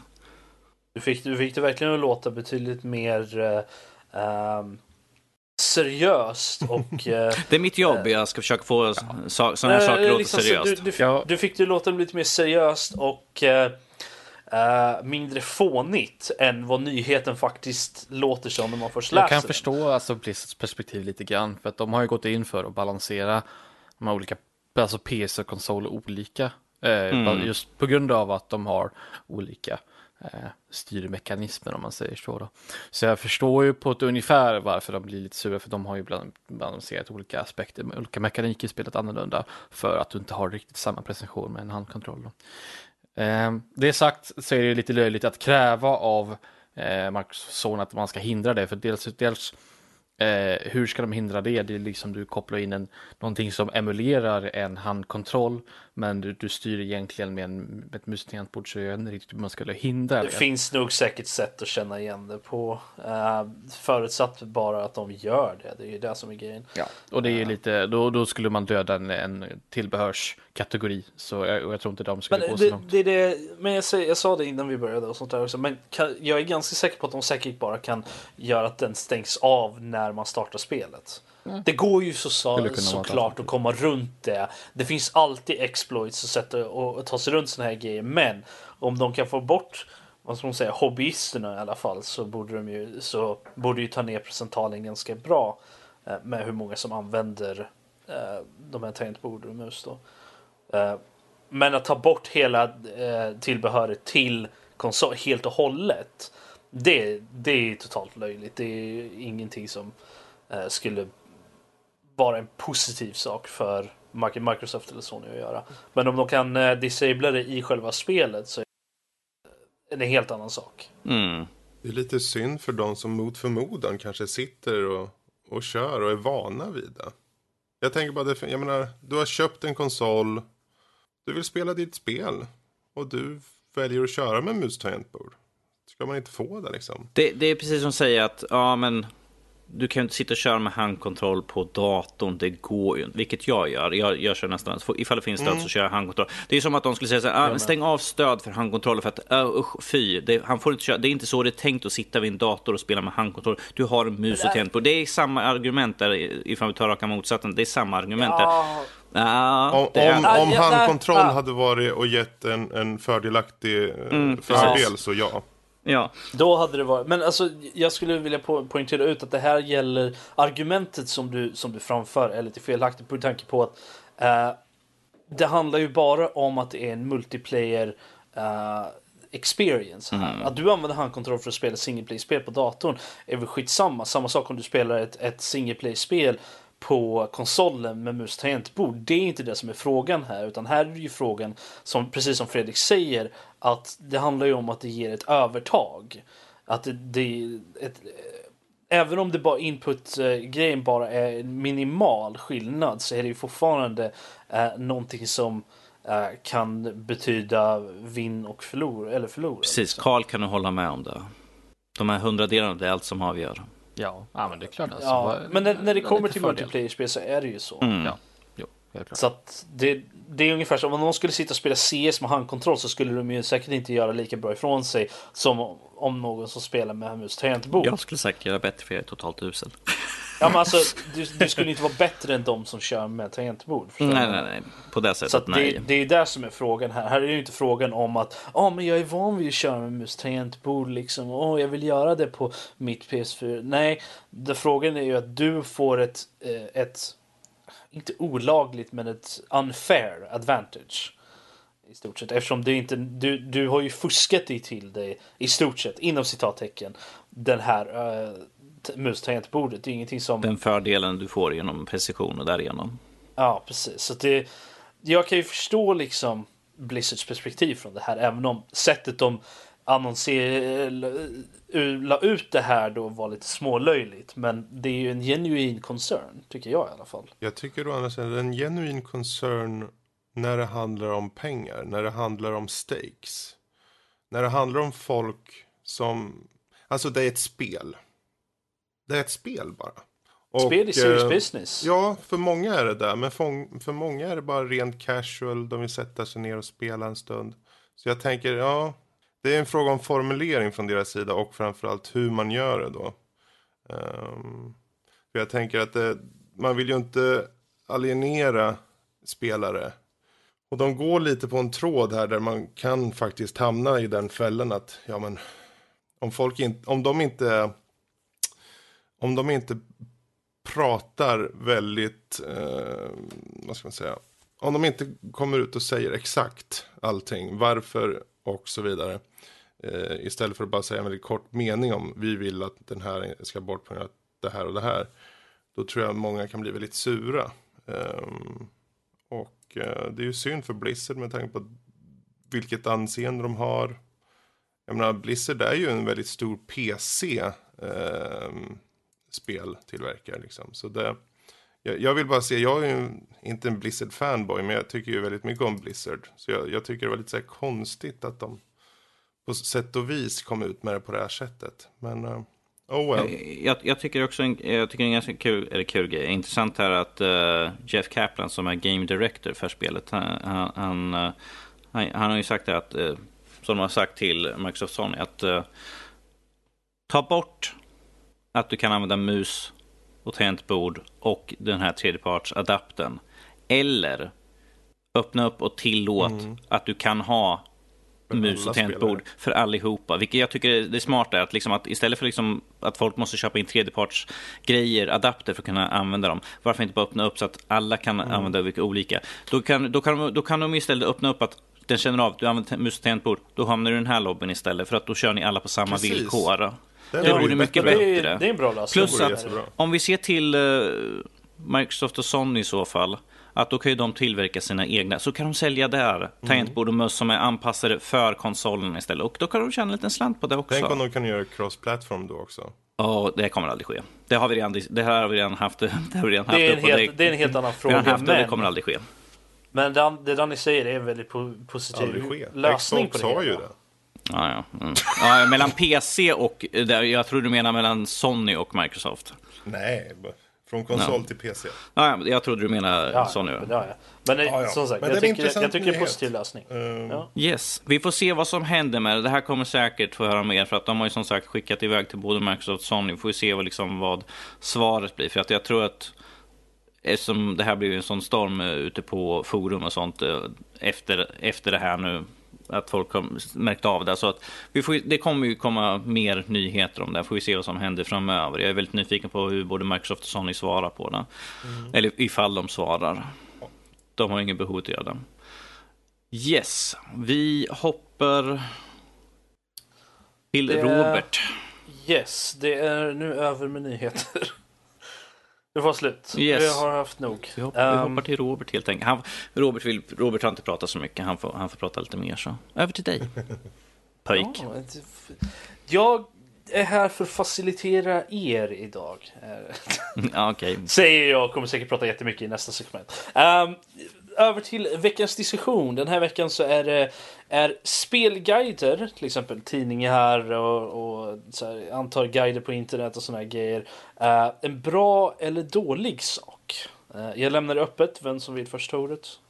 Ja, jag, jag är bara mest nyfiken här då i så fall att slänga ut på direkten. Vem ja, använde en spelguide sist här egentligen? Då menar jag rent allmänt over the board, en, en spelguide för något spel helt enkelt. Ehm, jag använde för... Vad var det för något? Det var något spel som jag spelade nyligen. Jag kommer inte ihåg vilket som jag använde en spelguide för. Men jag har redan spelat det spelet. För min, min regel för det mesta är det att jag spelar igenom spelet en gång. Och eh, eh såvida jag inte fastnar någonstans där jag verkligen inte kan ta mig förbi hur mycket jag försöker. Så använder jag inte guide. Mm. Uh, eller walkthrough eller något sånt där. Uh, förrän jag spelar spelet igen. För då känner jag att då har jag spelat igenom Mm. spelet redan en gång. På min, eget, på min egna sätt. Och sen efter det så kan jag använda eh, en guide för att få kanske bästa slutet eller what have you. Eh, Eller liksom effektivisera hur jag spelar eller liksom sådana saker. Det är ju mer för spel som är lite mer öppna som RPG-spel och sånt som är eh, där, där det finns många sätt att göra saker på. Och då, då kan det vara trevligt att ha en guide som hjälper en eh, få så mycket ut av spelet som möjligt i så fall. Eh, jo, eh, det var ehm, Dragon Age eh, Origins som jag använde en guide för sist. Mm. Jag, har, jag har spelat igenom spelet sedan länge sedan.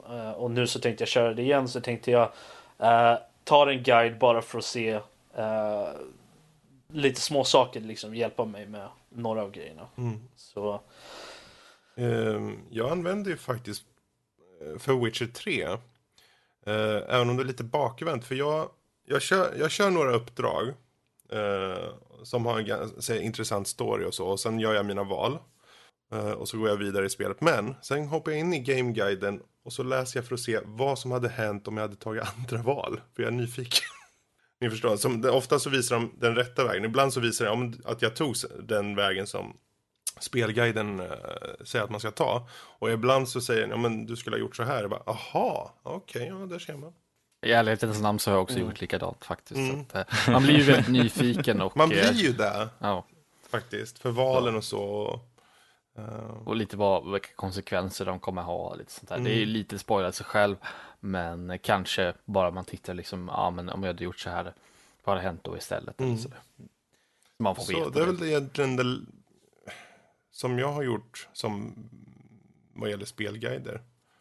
Eh, även om det inte kanske är direkt för spelet jag spelar just nu, utan i efterhand sådär, men ändå. Jag vet ju, jag hade stor användning av en, en, eh, spelguide, en jättesån här stor tjock bok, eh, eller bok, eller ett, ett magasin kanske man mer skulle kalla det till, eh, Ocarina of Time, som jag eh, läste sönder när jag var liten. Eh, så den, den var väl använd, för då hittar man alla små, alla små hemligheter och gjorde allt, alla sidospår som, man, som fanns i det spelet. Mhm. Så på så sätt så är det ganska bra, för att eh, speciellt, ja, alltså de är ju bra att ha, man kan ju, man kan ju säga att ja, men de förstör lite upplevelsen för då måste man inte göra allting själv eller man, man måste inte li- lista ut saker och ting själv. Men de kan ju vara där för att man ska få eh, hit, kunna hitta allting och uppleva allting också på samma sätt. Jag tycker väl att eh, spelguider, när, när de är lite när de är lite basic i, i sin approach, det vill säga de kanske berättar eh, hur du gör din gubbe lite bättre. Ja, tänk på att, eller så här, tänk på att använda de här potions när du tar an de här monstren. Alltså lite mer grundläggande saker som man kanske Lite inte mer tänker på. tips på... Ja, lite mer tips. så, sånt som brukar vara en del av spelet. Ja, men det är inte alla som har det liksom. Eh, och sen är det inte alla som kanske sitter och kollar på loading screenen eh, hela tiden, utan man kanske går iväg då. För det är ofta... Va? Mm. I Witcher Really? 3 står det massor med sådana där grejer, men jag orkar inte glo på det. Ehm, Okej. men eh, jag, jag tänker, då kan ju, för, som jag har ju flera skärmar, då kanske man skulle kunna ha en game guide på sidan sådär och ha några så här basic grejer. Så kan man köra det här, vad nu för något spel liksom. Eh, och Och gå lite över, okej jag ska tänka på att ha den här grejen. Ja, då kanske jag ska gå åt det hållet. Eller jag kanske vet redan innan jag börjar spela, ja men jag kör alltid som, jag kör oftast ganska actionbetonat. Ja, vad ska börja tänka på då? Så då vet man ju lite vad, vilken typ av spelare man är och hur man tar sig an spelet redan. Och då kanske man kan forma lite. Men däremot det här med att ta, jag menar, som att sitta med ett peka och klicka-äventyr och okej, nu ska jag gå hit. Och så gör man det. Och så gör man det. Då förtar det ju hela upplevelsen liksom. Då är det helt värdelöst. Eh, Jag personligen eh, kollar bara när jag sitter helt benfast. Alltså jag, när jag absolut inte har någon aning vad jag ska. Eh, Ska jag upp, ska jag ner, ska jag bakåt, eh, ska jag klicka på någonting? Det är liksom då jag går in och kollar. Jag brukar aldrig använda en, en guide ifall jag inte sitter helt fast. Eh, Och jag, jag går vanligtvis inte in och läser någonting för att som sagt, jag gör så mycket Assassin's Creed så det är alltid vanligt någonting visuellt som jag har missat till exempel. Har jag glömt att titta liksom med Eagle Vision på någon vägg eller något sånt. Så jag brukar vanligtvis, jag tar YouTube istället och kollar eh, någon sån här eh, som kör igenom spelet. Eh, Alltså kör igenom uppdragen och gör allting sånt där. Och så hoppar jag liksom in och försöker hitta just det momentet. Jag försöker inte, det, liksom, ska bara vara just den biten. Jag vill inte ha något annat spoilat. Det är liksom, är det någonting visuellt eller är, är jag i helt fel område? För att eh, jag kör ju Unity just nu och jag håller på med alla de här små lilla sidequesten och sånt. Och det, man ska hitta dolda saker som man bara ser genom Eagle Vision. Och de har ju små ledtrådar och man liksom bara, uh, men då är det borta vid kyrkan här säkerligen för att det är där jag tror att de menar. Sen står man, man springer, jag har gått runt kyrkan nu 14 gånger så jag liksom, ja, titta överallt, jag har använt Eagle Vision så ofta jag kan, jag har inte sett någonting, kolla liksom, ja, jag är fel kyrka. det, men det, det är liksom, det det är de små jag sakerna. Annars, annars sitter jag... Eh, annars kollar jag inte, ifall inte... Som, som Robert sa, om jag inte redan spelar igenom spelet en gång och bara går in för att plocka achievements eller något sånt där. Eh, det, det, det är typ då när, när någon achievement som jag inte riktigt, som jag inte liksom får att funka. Liksom, jag, bara, det är, det, jag har gjort allt som jag ska kunna göra för den här achievement. Liksom, jag har gjort uppdraget, jag borde få en achievement för det här. Är det något jag missat? Men du, nu kommer jag faktiskt på ett ställe som jag använder på samma sätt som du. Eh, och det kanske för många var lite så här uppenbart. Men i Witcher 3 så var det ett ställe där man uppdraget är att du ska gå in och så ska du döda ett spöke. Yes, okej. Och jag tänkte inte mer på det. Okej, du ska döda spöket. Eh, För han, han kommer... eh, Alla andra spöken kan du döda, men han kommer alltid tillbaka dagen efter. Mm, Eh, okej. det- Okej. Så jag bara, aha, okej, hur ska vi se här? För man kunde prata med han först. Och sen blir det fight. Då tänkte jag, okej, är det något i dialogerna? Jag läser, jag lyssnar. Okej, nej, ingenting. Eh, är det i hur jag tar ut den? Är det att jag använder någon speciell kraft? Är det eld? Är det något svag mot något? Eller någonting? Hmm, nej. Och så försöker jag om och om igen. Om och om. För uppdraget att man ska eh, bli champion of the isles. Liksom. Man ska slå ner. Det finns så här eh, brawlers, så att säga. Man slåss. Och då kan du få den här titeln. Men innan jag får ta mig an den här championen så måste jag ta bort spöket. Eh, och då är det, han försvinner då när jag dödar honom inom situationstecken och kommer tillbaka 24 timmar senare. Så då måste man sätta sig och sova och så, och så, eller bara spela eh, tills det har gått ett dygn. Och då kommer han poppar han upp igen och så pratar man med honom igen och så är det samma liksom. Så jag tänkte, vad fan är det här? Hmm. Ja, jag, jag kollar. Och så står det där att man ska låta han vinna över den. Huh, Okej. Det är ingenting som man skulle tänka på. Nej. Naturligt. Och, då, och jag tänkte, åh vad kul. Han ska alltså låta, han ska, man ska låta han slå på en och efter ett tag så, åh, jag vann över dig. Åh, jag känner mig befriad och så försvann han. Det kanske var några hints någonstans. Kanske, liksom, som men det var ingenting som fall. jag tänkte på liksom. För det var inte så mycket dialog innan. Det var bara några snubbar som sa, det, vi kan inte ha någon fight här inne på arenan för det är ett spöke där. Och sen pratade man om spöket då. Eh, men det, jag tyckte det var, ja. Då tog jag till en liten. En sista. Ja, Ja, det ta, en- ta, du, ta du före Karl. Jag har två saker att ta upp. En, Ja, en, en, till, med, en, en till med Witcher 3 då. Eh, det var Det en... kommer bli mycket Witcher här. Ja, exakt. Så Spela två spelare, kom igen. Gör det. Mm. Just do it. Men Just do eh, it. det, det var liksom en liten omvänd grej. För det var, det finns, det var ett, en, ett, en, em, vad ska man säga, en, en gruva jag kom till i Witcher 3. The Pit heter den. Em, jag vet inte om du känner till det Fredrik, men eh, det var inget speciellt ställe. Det finns inget så mycket. Det fanns en quest, man skulle dit och hämta någonting och gå tillbaka. Jag kommer inte ens ihåg vad man ska göra där och göra. Men i alla fall så, så fanns det en stor port som ledde in i gruvan som var stängd och lå- det stod att det bara var låst. Jag tänkte, jaha, men, ja, men om jag känner det här spelet rätt, då måste det ju finnas någon, nå- någonting man gör där inne, liksom hämta någon nyckel någonstans och läser. Söka på det, bara, ja men eh, grotta i the pit liksom. Man, nej, det, det finns ingenting där. Det var bara ett helt modellerat grottsystem. Man kan inte komma in dit, det, det man kan inte på något sätt utan att fuska ta sig in dit. Men det finns ett hel, en hel grotta där som man inte kan göra någonting med. Okej. Så, ja, okej, okay, då var det bra att vi fick veta det. Så jag sitter där. För jag sprang runt fram och tillbaka och tänkte, ja men den där grottan, den går ju, den går ju åt det hållet. Så kanske det finns en ingång på, på andra sidan av den här kullen liksom. Sprang jag, nej, det fanns inget här. Sprang jag tillbaka igen, men nej. Nej, jag fattar ingenting hur jag ska ta mig in här. Alltså, sökte jag upp det. Då var jag, nej, det är ingenting där. Det kanske skulle bli någonting, men det, var, det, det, det blev ingenting i det riktiga spelet. Liksom. Ja, Så bra man fick veta det. Liksom. Och sen också tycker jag när det kommer till multiplayer-spel som till exempel då CS eller, eller Menahor är också ett bra exempel. Eh, tycker jag ju att, att communityn och guides och som spelguides är ovärderliga egentligen. För att jag, hade man själv fått ta reda på hur man kastar en en rökgranat på ett visst för att den ska landa här så man kan utnyttja den på bästa sätt i CS eller sånt där. Det hade ju varit helt, liksom, helt sanslöst att försöka hoppa in i ett spel själv och sitta och kasta granater och oändlighet tills man hittar det själv liksom. Så i det fallet tycker jag att ja, men då är det helt okej att man ska ta, ja. ta del av communityn och liksom tillsammans hitta strategier och, och, och sådana saker. Ja, multiplayer-spel överlag tycker jag spelguider är väl perfekt för det. För ja. det är ju inte som att du ja men nu vet jag hur jag tar en, liksom, en game på den här. Nej, utan du måste ju själv vara bra. Men du kan få tips på hur du blir bra snarare. Exakt, helt rätt. Men eh, det leder mig till en fråga. Är, är det skillnad på eh, någonting som är en eh, vad ska man säga, en guide till någonting om någonting som mer är till för att hjälpa till att effektivisera hur man spelar, liksom, eh, hur man tar sig an ett spel. Även spel som inte är multiplayer, liksom, som är typ att oh, men det är så här du levlar på bästa sättet i, i det här spelet. Eller liksom, de här skillsen borde du ta, liksom, snarare mm. än, att, än att du har en, en overall guide som, som en walkthrough. Liksom. En, om, vi tar, om vi tar exempel då, en, en guide är ju från, tar från A till B helt enkelt. Det är ju kort och gott. Eh, ja, det kan ju vara en level guide. Ja, ju, men att alltså, om vi tar, tar rent allmänt ett, ett spel, ta till exempel Dragon Age uh, Origin. Den guiden är att få ta igenom allting som finns i spelet från A till Ö egentligen.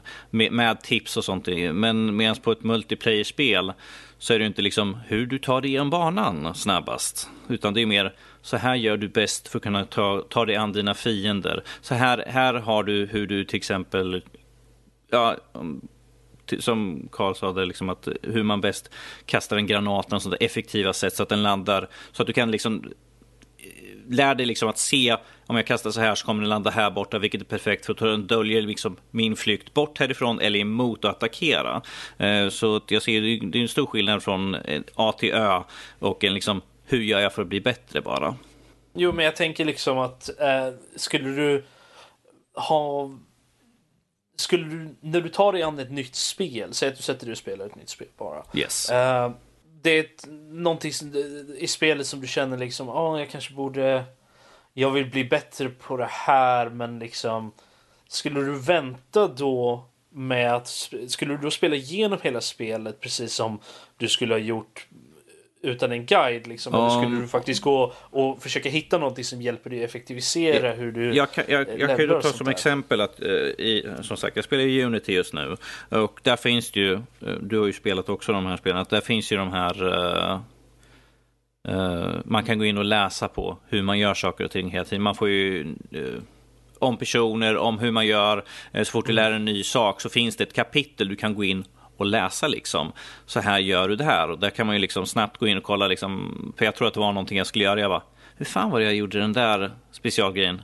Vänta, jag går in och kollar. Vapen attackera. Ja, just det. Det var så jag gjorde den. Så där hade man ju ett väldigt enkelt inbyggt i spelet. Alla har ju inte det ja, nej, men jag, jag, jag, menar ju alltså någonting som är externt från spelet. Då. Alltså mm. en, en, en guide utifrån liksom som hjälper dig Uh, inte nödvändigtvis ta dig igenom spelet, men någonting som hjälper dig att ta dig igenom spelet. Förstår du vad jag mm, menar? Okay. Förstår du skillnaden yes. med det där? Liksom, har, du, har du större chans för att faktiskt ta dig an båda dem när du är nytt, ny till ett spel uh, än när du har liksom Där, där är ju lite mer eh, beroende på vilka som gör det helt enkelt. För de bara är en sån här för att en, guy, en extern guide då, till skillnad från spelet, eh, som bara är liksom, som visar upp, så här gör du alla uppdrag, utan liksom ha någon sån här tips och tricks. Eh, det är ju helt och hållet beroende från vem som gör det och vad det är för typ av spel. Men eh, väldigt många har ju i marginal kanske de har tips. Tänk på det här, som Fredrik sa, tänk på att göra det här. Eh, kom ihåg att använda mycket av den här när du slåss här borta. Eh, så att väldigt många har ju det. Alla har ju inte lika mycket, men att en del är ju lite mer, beroende på vilken typ av spel, så är en del mer eh, inriktade på att för att förenkla för dig som spelare hur du tar dig igenom spelen. Uh, mm. Mm. Var det ett bra svar? Det summerar väl bra tycker jag. Ja, jag, har, jag har bara en liten, en liten eh, kort fråga. När köpte någon av er sist en fysisk guide? Jag har aldrig köpt i hela mitt liv. Jag har aldrig köpt en guide. Oh, herregud. Um, nu ska vi se. Det var... Jag vet exakt när jag köpte en guide sist. Så. Oh. Nej, jag, jag, jag, jag, har gjort, jag gjorde det när jag var liten en gång. Det var inte den här som var till Ocarina Time, det var faktiskt en annan. Men jag kan inte komma på vilket spel det var. Men eh, ja, det, nej, det, det, var väl den veckans eh, veckopeng som, som Gert precis. Rob, Rob, när köpte du senast um, Det måste ha varit Mass Effect 2 eller Fable 3, vilket av dem som kom sist. Mm. För jag äger guide till båda de spelen gör jag. Och till Mass Effect 1 och till uh, Dragon Age 2 och till Halo uh, 3 ODST. Mm. Det är de spel, fysiska spel jag äger. Jag äger. Jag vill gärna äga Mass Effect 3 också så jag har alla. Jo tack, jag vet. Står på uh, din lista. Japp, har stått på min lista i flera år. Det är fortfarande ingen som tänker köpa den till mig. Det um, finns inte. Det är inte där det vi, vi finns inte. visst. Ja, just det. Ja. I alla fall, vilket, vilket som. Du då Danne? Den senaste jag köpte var till Dragon Age 2. Uh, vet jag är det den stora boken? Då, det, är den, det är den stora tjocka inbundna boken. Det är den senaste jag kommer ihåg. Fast jag satt bara mest och kollade den för att jag tycker om Dragon Age, jag tycker om världen, jag tycker om de saker man kan läsa i. Det var inte liksom för att för jag tog med igenom spelet på egen hand. Det var liksom så att mm. jag vill ha den som komplement till, som jag köpte Collector's Edition, så vill jag ha den vid sidan av. Det var inte för att Uh, ifall jag fastnar, jo, det var ju liksom, ifall jag fastnar så kanske jag kan kolla, vilket jag aldrig gjorde. Uh, som alla vet, det var lite enklare spel än de andra. Men att det var mest bara att jag ville ha den som komplement till min samling.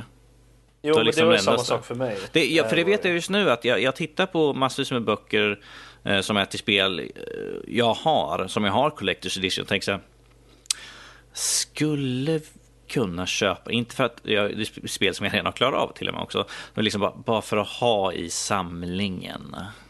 Jo, men, men, men i, i slutändan, slutändan liksom. så blir det så här, ska jag lägga ut vi säger 300 spänn på en bok som jag aldrig kommer kolla igenom. Så, nej, nej, i slutändan blir det så nej, det får det helt enkelt vara. Men om vi, om vi summerar liksom det vi har fått upp är att guider, bra eller dåligt? Bra. Uh, jag, jag vill ha en liten caveat, liksom att bra förutsatt att det är liksom en som inte spoilar allt för mycket när man kollar upp en sak, att den liksom berättar för mycket av vad som komma skall. Utan liksom, är jag på det här uppdraget vill jag bara veta exakt vad som kommer hända i nästa steg av den. Men eh, jag, jag hade faktiskt en, en, fråga, sen kan vi yes. avsluta. Ja, det, är, det är du som är värd, det är du som bestämmer. Jo, uh, jag vill bara inte gå för långt. Gör nu som jag säger. Men... Fine. Ja. Okej, okay, nej men uh, skulle det ha varit bättre om vi inte hade guider överhuvudtaget? Um, om vi...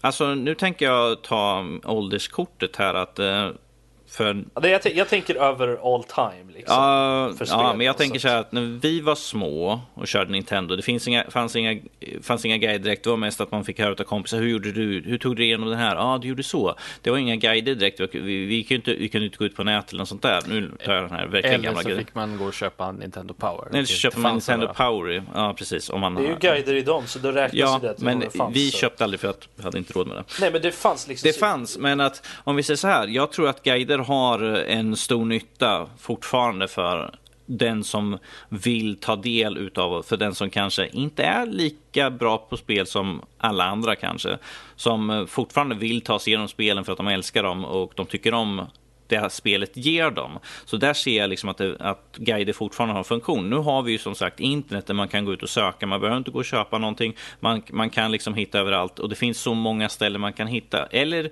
så kan du gå till Youtube och bara gå in och söka på vilket spel som helst. Sök eh, spel, bana, plats så hittar du. Det är någon som garanterat har det. Så att eh, jag ser fortfarande att det finns behov för folk som har... Jag som sagt, jag har hoppat in och kollat eh, när jag har fastnat någonstans istället för att läsa en text utan gå in och kolla liksom visuellt så jag kan se liksom exakt, är, är det någonting jag missat i omgivningen och sånt där. Så jag, jag, jag personligen tycker att det finns fortfarande plats för guider. För att eh, ifall man spelar ett spel som ingen av man, man känner spelar så kan man inte få hjälp av dem, utan då är, finns det hjälp ifall man behöver det. Så jag tycker att det fortfarande okay. behövs.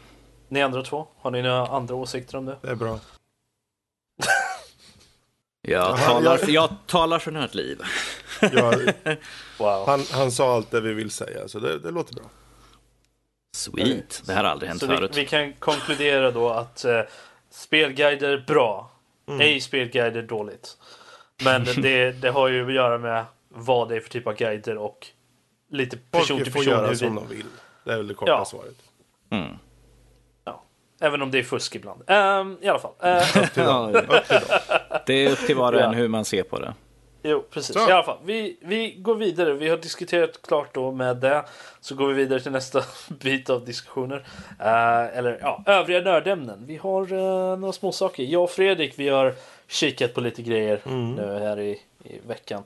Uh, vi tar och börjar med Erased. Ja, precis. Som är en anime då. Fredrik, du kan ju förklara först. Ja, förklara den här. Det handlar om en snubbe, Sat vad heter han? Satoru Fujinuma. Om jag nu säger hans namn rätt. Något åt det hållet. Um, hur som haver, han, han är lite av en sån här, uh, inte kuf, men han är lite originell. Han uh, är mangaartist. Kuf.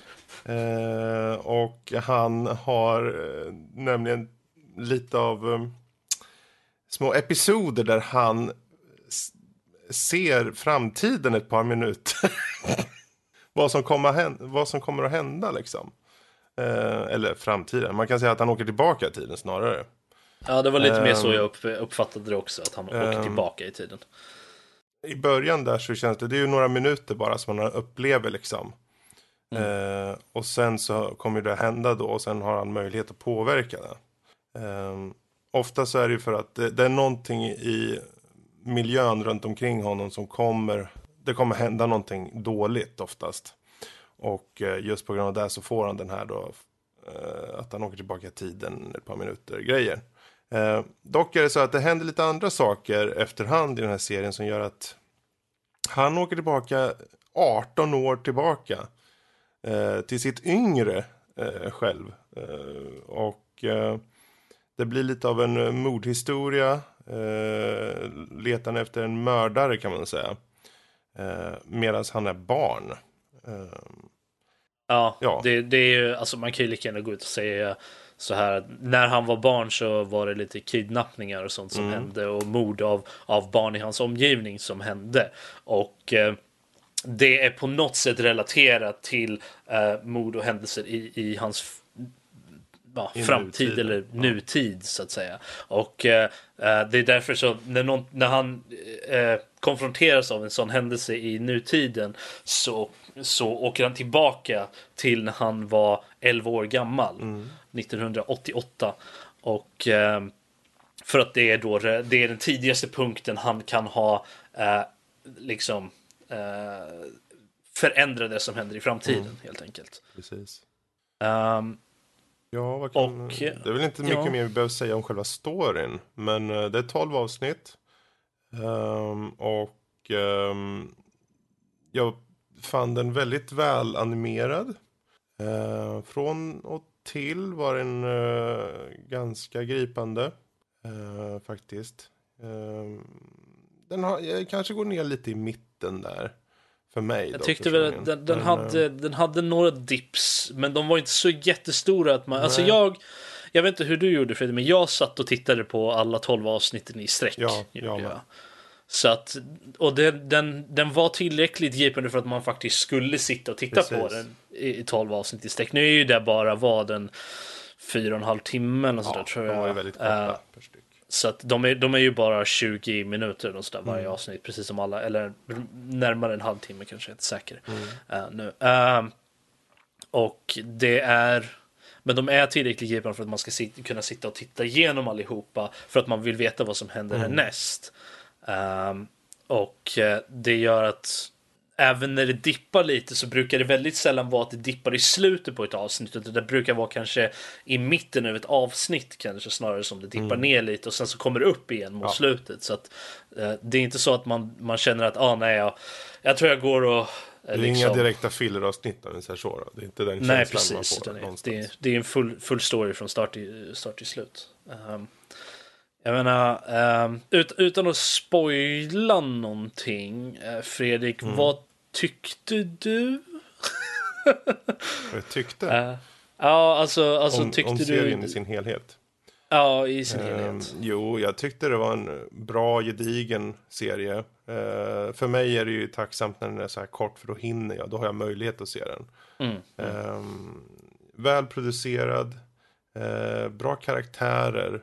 ehm, särskilt han då, huvudroll, huvudkaraktären tyckte jag var intressant. Och just hans, hans relation med sin mamma tyckte jag var fin också. Det var en av de sakerna som slog mig mest också i Mm. den, hans, hur relationen med hans mamma är också Ja. i, i, i serien. Nej, det, jag är- tyckte det var, det var en fin serie och den får en att tänka till lite och känna lite extra ibland och så. Så jag, jag tyckte om den. Kort Den har ju en hel del teman som går Mm. över hela eh, serien, vilka flera av dem stod väldigt nära mig Mm. i alla fall. Eh, på många sätt. Och eh, eftersom det är allt från eh, liksom mobbning och, och Ja. lite sånt och, och, och att känna sig utanför på vissa sätt och kanske även fejka sig igenom livet på, på vissa sätt. Mm. Eh, och även relationer med, med föräldrar och vänner och lite sånt där. Så det, det, den har en liten trevlig bland, eh, samling med, med teman. Eh, utöver huvudgrejen med liksom, ja, mord och, och tidsresor och Mm. lite sånt där. Så, och jag tyckte att de resonerade väldigt bra med mig Mm. i alla fall. Eh, sen, eh, jag, jag, måste, jag måste fråga, Mm. även om det är, för, även om du inte kan säga någonting så här, men eh, slutet, tyckte du det var liksom passande? Tyckte, hade, det beror det på vilket slut du tänker på. Ja, det är ulti, det, alltså, Det angående själva mordhistorieslutet eller det absolut, absolut sista? Eh, bå, båda. Det absolut, absolut sista eh, tyckte jag om. Som har med en tjej Mm. att göra. Eh, Ja, jo. Den tyckte jag, det, jag, jag väntade ju såklart på det. Det var väntat Jo. var det. Jo. Men jag, var, jag blev ändå glad när det kom. Um, mordgrej, alltså det här med mördaren och den biten och hur de klarar upp det eller hur de inte klarar upp det. Ni får titta själva. Ja. Det var väl lite lackluster kanske. Eh, Jag, gillade bara inte... eh, jag hade föredragit om det inte hade, om de inte hade gjort vissa saker med det. Jag förstår, jag, jag kan förstå liksom varför jag de förstår ju var- deras de- tankegång, alltså han, huvudkaraktärens tankegång i varför han gjorde på exakt det sättet. Förstår Ja. det. Men man vet ju hur man är när man tittar på något. Men jag vill att du ska sätta åt den här, du ska göra så. Men, men jag, kan även, jag kan även förstå eh, skaparna, Mm. eller skaparen. Det, det är ju baserat på manga det här, är det ju originalt. Så jag kan ju förstå, eh, jag vet inte hur nära den serien går, mangan, men jag antar att det är samma. Eh, så jag, jag, kan, jag kan förstå varför uh, snubben som har gjort den här då, han valde just att göra på det sättet. Men samtidigt så känner jag att det hade nog kanske varit lite intressantare om det hade klarats upp på ett annat sätt istället. Men ja, jag, jag är lite... Sen är jag inte sådär jätteförtjust i vem... Hur, hur mördargrejen fortskred. Vad, alltså vem, vem, vem eller vilka det var i slutet om man säger så. Fast det var så uppenbart var det ju. Ja, för samtidigt så ville jag inte att det skulle vara det. För att, ja, det fanns ju jag ingen annan. Så. Det var liksom, det var den personen. Och ja, det var den personen. Jo, Så. jo, jag vet, men jag hade hoppats på att det var någon annan. Helt Fast ärligt. tycker jag på ett sätt är det ju ett bra tecken. För man kanske känner på ett visst sätt om en karaktär och sen så måste man då vrida på det där när den visar sig vara på ett annat sätt. Mm. Ehm, Men det, ja. Ja, vi ska inte säga, nu börjar vi närma oss för mycket här. Ni, jag, Ja. Jag, tyck, jag tyckte det var en bra serie dock. Den, det var en trevlig, lite kort serie. Den var välanimerad. Uh, och jag, menar, jag gillade stilen ändå. Jag tyckte Mm. karaktärerna kändes eh, väldigt levande. Även om vissa fick mer screen time än andra. Eh, vissa var ju mer prominenta, Ja. kan man väl säga. Så eh, God och huvudkaraktären glad, och så. se den Huvud- och ät choklad, Ja. säger jag. Ja, eller hur? Eh, jag tror inte vi har något mer att säga. Jag tycker det Nej. är värt att säga. eh, Erased heter den på engelska. Den borde gå och hitta på ställen. Mm. Eh, jag vet inte. Ni får se i texten på vår hemsida för det här avsnittet. Eller Yes, jag kommer, jag kommer skriva lägga in jag kommer lägga in den, namn- den japanska eh, Yes. namnet också. Uh, Okej, ehm, vi har även sett, uh, jag och Fredrik, det är vi som är tittarna den här veckan. Eh, vi har även sett en film, Mhm. A Monster Calls. Ja. Fredrik. Jo, det var, den har vi sett eh, sen tidigare. Ehm, ja, ska vi berätta lite vad den handlar om, om Monster Calls? Uh, kort, Ska jag göra det eller vill du? Ja, vill du så ta det du. Lite kort. Det är en pojke, eh, som många historier är. Ja. Han heter Connor någonting, jag kommer inte ihåg vad han hette. Connor. O'Malley. Så var det, O'Malley. Ett så stereotypiskt efternamn som man kan ha. Eh, hans mamma eh, lider av eh, någon form av cancer, verkar det var det så jag fattade det. Och han träffar ett monster som, ja vad ska säga, pratar med honom lite under den här traumatiska tiden då. Mm. Jag tror inte, jag tror att det räcker egentligen. Ja, det är ju... Alltså om vi säger, vi kan ju ta premissen som står på hemsidan. Liksom så här. Att en, en pojke, hans mamma är då eh, sjuk i cancer. Och så en kväll så blir han besök av den här, ett, eh, en jätte, en trädliknande monster då. För övrigt spelad av Liam Neeson. Eh, som eh, säger att han kommer komma tillbaka varje kväll, varje natt. Och berätta tre historier för honom.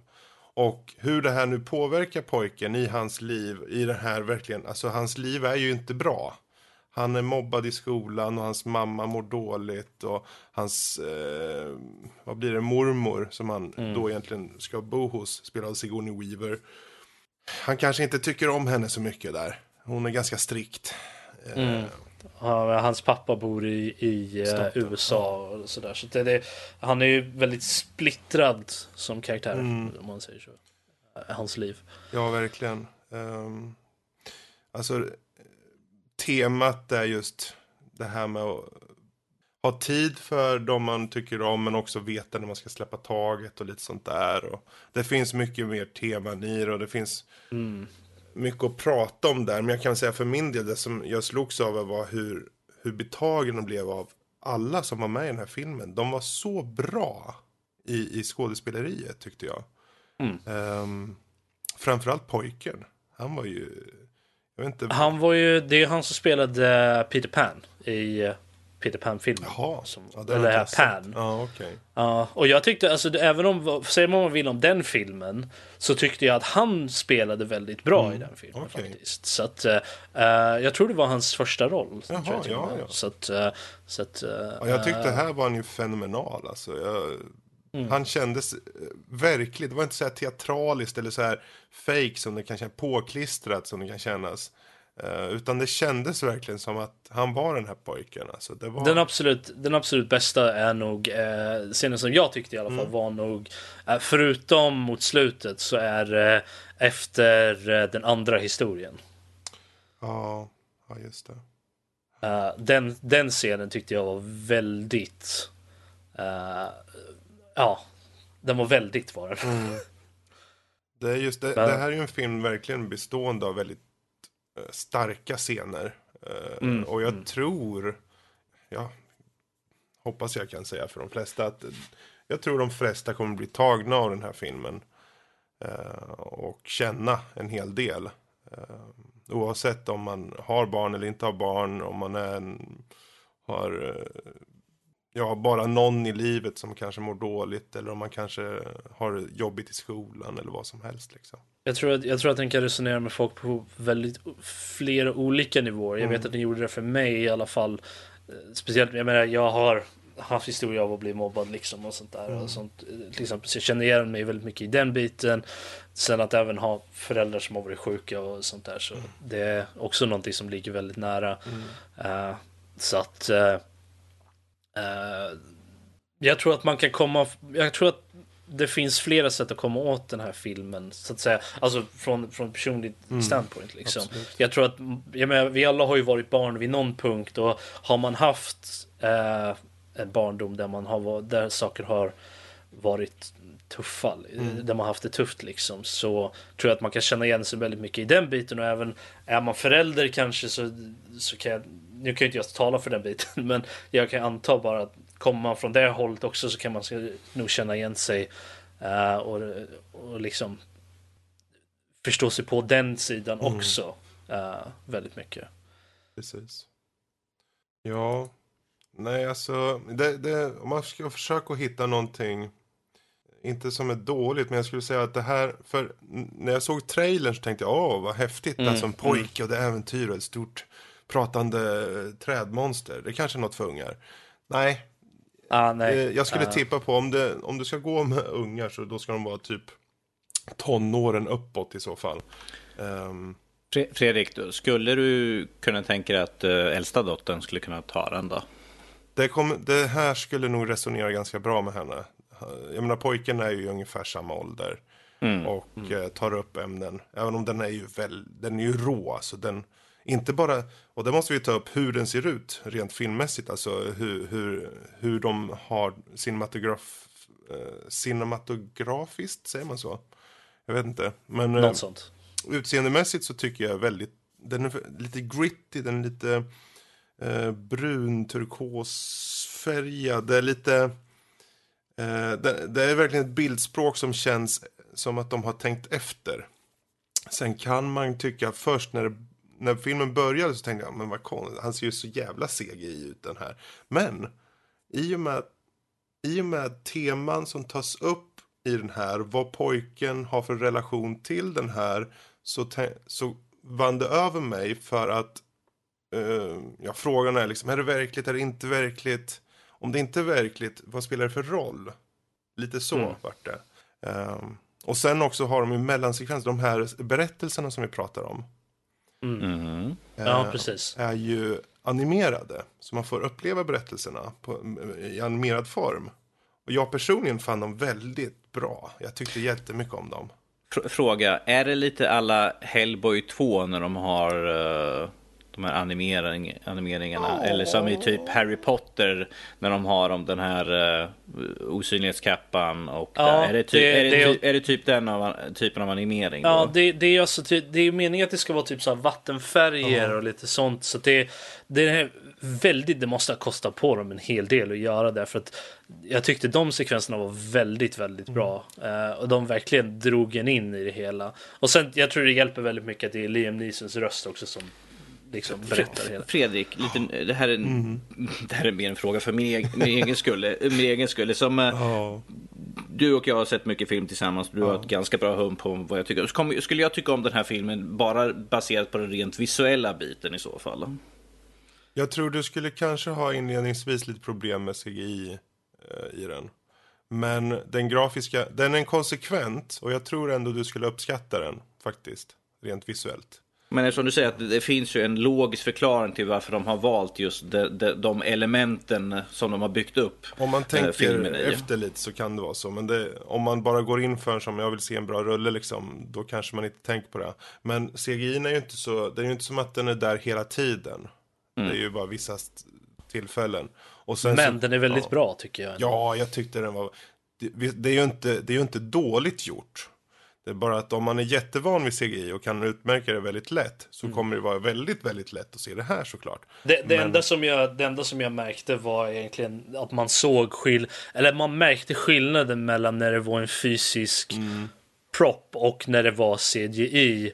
Med, det finns, man märker scenerna, men det är när den interagerar med honom, med pojken då, så märks det att det är en, en animatronisk prop snarare än att det är. Mm. Men det är mest för att den är så stel, mycket stelare än vad animationen är. Ja, precis. så att, eh, men, men det var ingenting som drog mig ur filmen direkt. Och sen så säger de, de säger i filmen, får man ögonen rätt så fungerar resten också. Jag Precis. tyckte ögonen funkade väldigt, Jättebra väldigt att bra. du säger det. För när man först introduceras för den här karaktären av um, trädjätten, Monstret. eh, monstret. Så böjer han sig ner och tittar en i ögonen. Och man tänker väldigt direkt, för hans ögon är väldigt utmärkande. Redan från första shotten när han kommer in så är Mm, de väldigt utmärkande. Och det är också den biten de har lagt väldigt mycket krut på, hans ögon.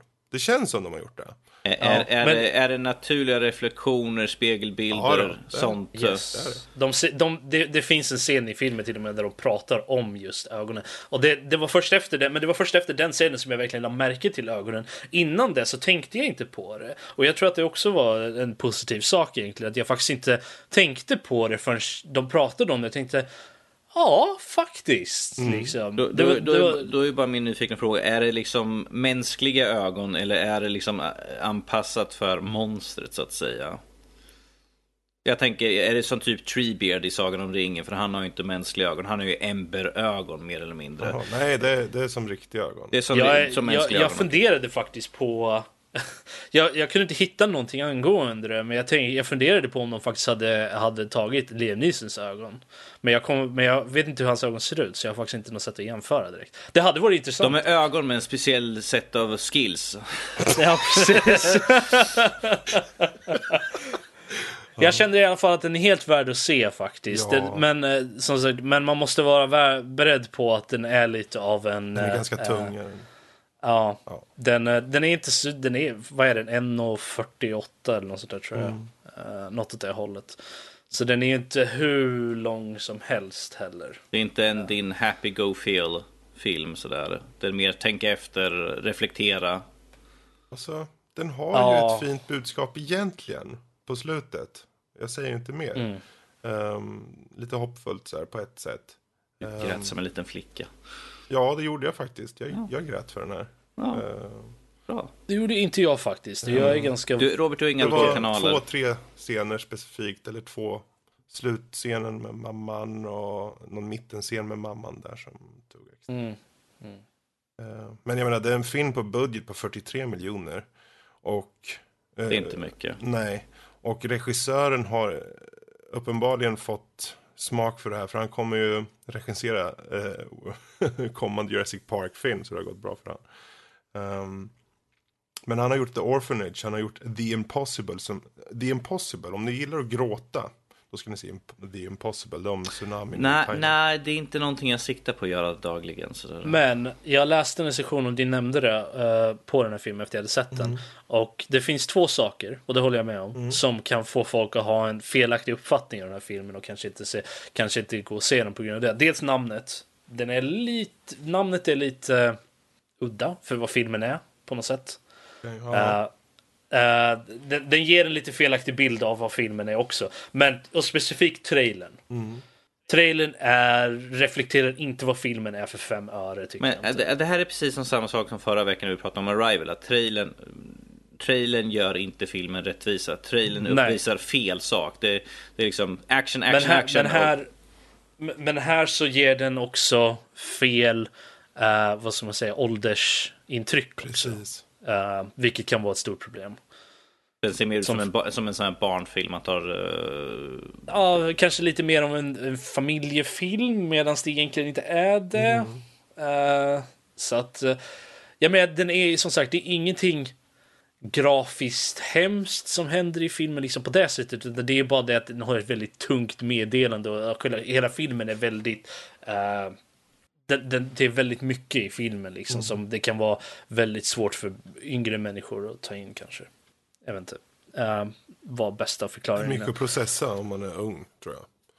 Ja, i alla fall. ehm, efter vi har gråtit klart nu. eh, så jag, tänk, jag tänkte ta en sista grej på den övre nörden, faktiskt en sak som jag tittar på. Ehm, det är, jag tänkte bara ta lite snabbt nu. Eh, det är en serie, Eh, en japansk serie som, går på, som finns på Netflix som heter eh, Good Morning Call. Det är, handlar om eh, två high school studenter i, jag tror det är Tokyo, något sånt, ja det är det, som har flyttat ut från sina respektive föräldrars ställen då för att bo själva. De har egna anledningar av det här då och är offer för en någon form av scam där de hyrt ut lägenheten till båda dem för ett lägre pris än vad de sagt. Och de här två, den här tjejen och den killen då, de eh, flyttar in i den här lägenheten samma dag och inser att de har blivit offer då för en scam. Men de har ingen annanstans att ta vägen riktigt så de eh, bestämmer sig för att bo där eh, tillsammans då. Utan oh, jag, hör, jag hör många pinsamma moment här redan nu. Ja, det är inte, inte så illa som du det är näsblod, han, han liksom håller på att liksom Nej, svimmar och hon kommer det, in i underkläder eller något sånt där. Det här är en serie, den här uh, serien är baserad på en shoujo manga. Och de brukar ha, inte ha lik, det, det är ju mer för tjejer då, om man ska vara generalisera. Uh, Nej, då är jag inte intresserad. Så att, alltså, nej, den, den, är lite mer för tjejer. Det, det är en, uh, en romcom serie. Jag tror du skulle tycka om den Danny faktiskt. Uh, du ja. har ju en liten penchant för, för romcoms du. Uh, vet jag om. Shh, säg inte det högt. Uh, men det har jag också. Och det är ingenting jag, jag skäms över. den, den har många... Det som, det som kan få folk att, att bli lite över den här serien, speciellt, speciellt folk som kanske inte har sett så mycket anime till exempel, så är det, serien är uppbyggd på nästan scen för scen verkar det som från mangan. Uh, verkar som. Och det inkluderar alla såna här överdrivna reaktioner, folk som ramlar över eller får inta är det, konstiga... Är det typ en sån här eh, tre liters vattendroppe som hänger ovanför huvudet? Nej, nej, nej. Inga, inga sådana saker. Inget sånt. Men eh, inga sådana riktigt överdrivna grejer. Det, det oh. var några ställen där de hade någon sån här overlay-grej där det är lite så konstigt. Men, uh, men för det mesta så handlar det mest om hur folk reagerar till saker. De har väldigt överdrivna reaktioner. De intar konstiga poser när är de blir typ, så chockade och sånt där. Och så står de på en lill och så här, Typ, typ sådana reaktioner kan vara. Eh, och, men de, de, är inte lika, lika överdrivna som de är i manga och anime, men det är åt det hållet. Nej, okay. Men för mig så, så, tog det bara, eh, det tog ungefär ett halvt av, halv, halva första avsnittet att komma över det. Efter det så var det helt okej. Okay. De här avsnitten är ungefär 40 minuter långa och det är 17 stycken. Eh, all, det finns på Netflix. Eh, det handlar ju då om de här, de här två karaktärerna. En av dem är en tjej som är väldigt, hon är lite naiv, hon är lite uh, så airhead, typisk anime-tjej känns det som. Uh, och, uh, men, men väldigt söt och, och charmig ändå liksom. Och eh, killen är så här, väldigt stoic, han är eh, populär, en av de populäraste killarna i skolan men han är väldigt så här, oh, jag behöver ingenting, väldigt så här, seriös och, och så. Men uh, och det, de känns väldigt mycket som stereotyper i början men under seriens gång så se, märker man liksom att det finns underliggande liksom, lager till dem båda mm. två. Och även om det finns ställen i serien som irriterar mig en hel del men jag tror att mycket av det är kulturella skillnader um, från det. Gillar man anime och manga och sånt och, och gillar uh, romantiska komedier och sånt där så skulle jag definitivt uh, säga att, att det är värt att titta på. Som sagt, har man Netflix så finns det där. Det är Netflix producerad serie i samband med någon japansk studio. Så att den är på japanska. Jag vet inte om det finns någon engelsk, tal, engelsk dubbning, men jag tror inte det. Första säsongen är över. Det kommer en till säsong. Fick jag reda på typ igår. så uh, det kommer mera, som de säger. Uh, det är ingen som uh, säger så nu för tiden. Det kommer mera. Du, du, du. Äh, I alla fall. Um, jag tyckte du sa att du skulle hålla det kort. Uh, ja, men det där var kort. Nej, för mig. För dig, uh, moving on. Uh, sista momentet för dagen innan avslut är lyssnarmail. Fredrik, mm. har vi fått någonting roligt? Jo, jag har fått lite mail. Vi ska ta ett par här. Och jag gör som så att jag buntar ihop två till en. För de börjar båda med att egentligen säga att det var kul att, att vi nu går och röstar på här på publikationen M3. Det är kul att eh, vi har den möjligheten. Att vi är nominerade för årets spelpodcast helt enkelt. Eh, och eh, från Quad the Morph så har han en fråga. Och det är, kommer ni recensera switchen? När den kommer? Um, Fredrik gör det när han skaffar den till uh, för Super Mario. Mm. Jag vet inte när jag skaffar switchen. Jag är inte säker på om jag skaffar den vid uh, launch eller faktiskt senare. Uh, men det kan komma att vi recenserar den när, när den kommer oss till handa. När, när Men, vi- men om när någon vi- vill skicka vi en till den oss så så vi kan gör vi det. Sen har vi också mejl från Benny som också han då som sagt skrev att vad kul att eh, vi nu går och röstar på här på M3. Eh, gå för all del in på vår hemsida om inte annat så har ni en länk där till omröstningen. Ni kan vinna upp till eh, Host, 10 000 host. eh, i spel. Eh, hans fråga är ju angående just det här med podcasting i och med att vi förra veckan hade bland annat snack om Blue, micro, Blue mikrofonen då. Eh, och hans fråga, har ni några tips på vad man ska tänka på om man själv vill börja, börja göra en podcast? Och Får jag, får, jag, får jag bara slänga en första sak? Ja. Något som vi borde ha gjort från början.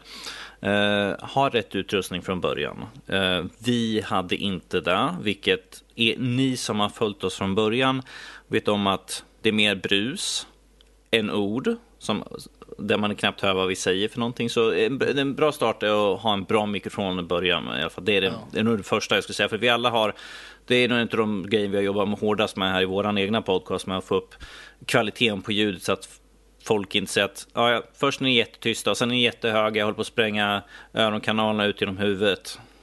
Det, det är inte så kul. Det är en, en viktig start i alla fall att ha rätt hårdvara från början. Eh, Yes. Rätt Och, och har ni, kommer ni ihåg Danning i en burk så har ni varit med länge i så fall. Åh gud. Han är en början. eh, nej men precis, rätt utrustning, AO. Eh, redan från början kan ni lika gärna sikta på det. Men framförallt, oavsett om ni har halvdan eller jättebra, så behöver ni ha ett bra koncept. Vad är det du ska göra om? Vad, är, vad, ska, vad ska det handla om? Det tar du reda på först. Sen tar du utrustningen och sen ser du till att ha jättemycket eh, engagemang när du gör det. De tre beståndsdelarna är A och O. Eh, sen kan du alltid utveckla ditt format allt eftersom. Eh, om du ska ha gäster, om du ska redan från start vara flera stycken eller hur du nu vill. Men koncept, utrustning och sen driv. Så. Mm. En, en som jag tycker är ha kul. Ja. Jag menar, om, om man gör det bara för att ja, jag måste göra. ja, men då- det är ju ha driv. Du måste ju Ja, känna precis. för det liksom. Som vi har. Ja. Eh, förutom Kalle för han äter kaffe. Bokstavligen äter kaffe. Han sitter Eh. med en slev. Så, nom, nom, nom, nom, nom. Hela bönor. Bra, men då hoppar vi till det sista mejlet här som är från en gammal bekant som kallar sig Supertacon, så håll i hatten. Han skriver följande. Yo peeps! Som den flyttfågel jag är så är jag nu inflyttad och klar i Skara. Tiden går verkligen sketa snabbt när man gör stora förändringar. Men nog om mig. Eh, hörde ert fisgömma bemötande av Ghost Recon Wildlands-betan. Jag håller med. Betan gav verkligen inte mer smak. Nej, snarare så suckar man efter eh, man förstått att Ubisoft än en gång gör spelmall 1A. Ja, det får man tycka vad man vill om. Släng ett gäng opersonliga dweebs i ett sydamerikanskt kartellstyrt land. Låt dem göra småuppdrag om vartannat, plocka medaljer och skit och annat dravel som fungerar som spelförlängare. Det vill säga 41 jävla collectibles som får varenda jävla OCD-galning som mig att bli galen. Men det är ju inte som att Ubisoft gör den här typen av öppen världsspel hela tiden och suger ur musten ur varenda kreativ arbetare. Jag föreställer mig att deras utvecklare går i kedjor och tvingas ta sig till nästa open world-spel. Eller jo, det gör de.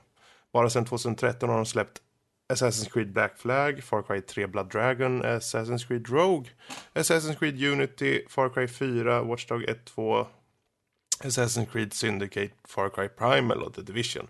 Tio spel på typ tre år. Jag har inte räknat med detta år ännu då det inte har kommit.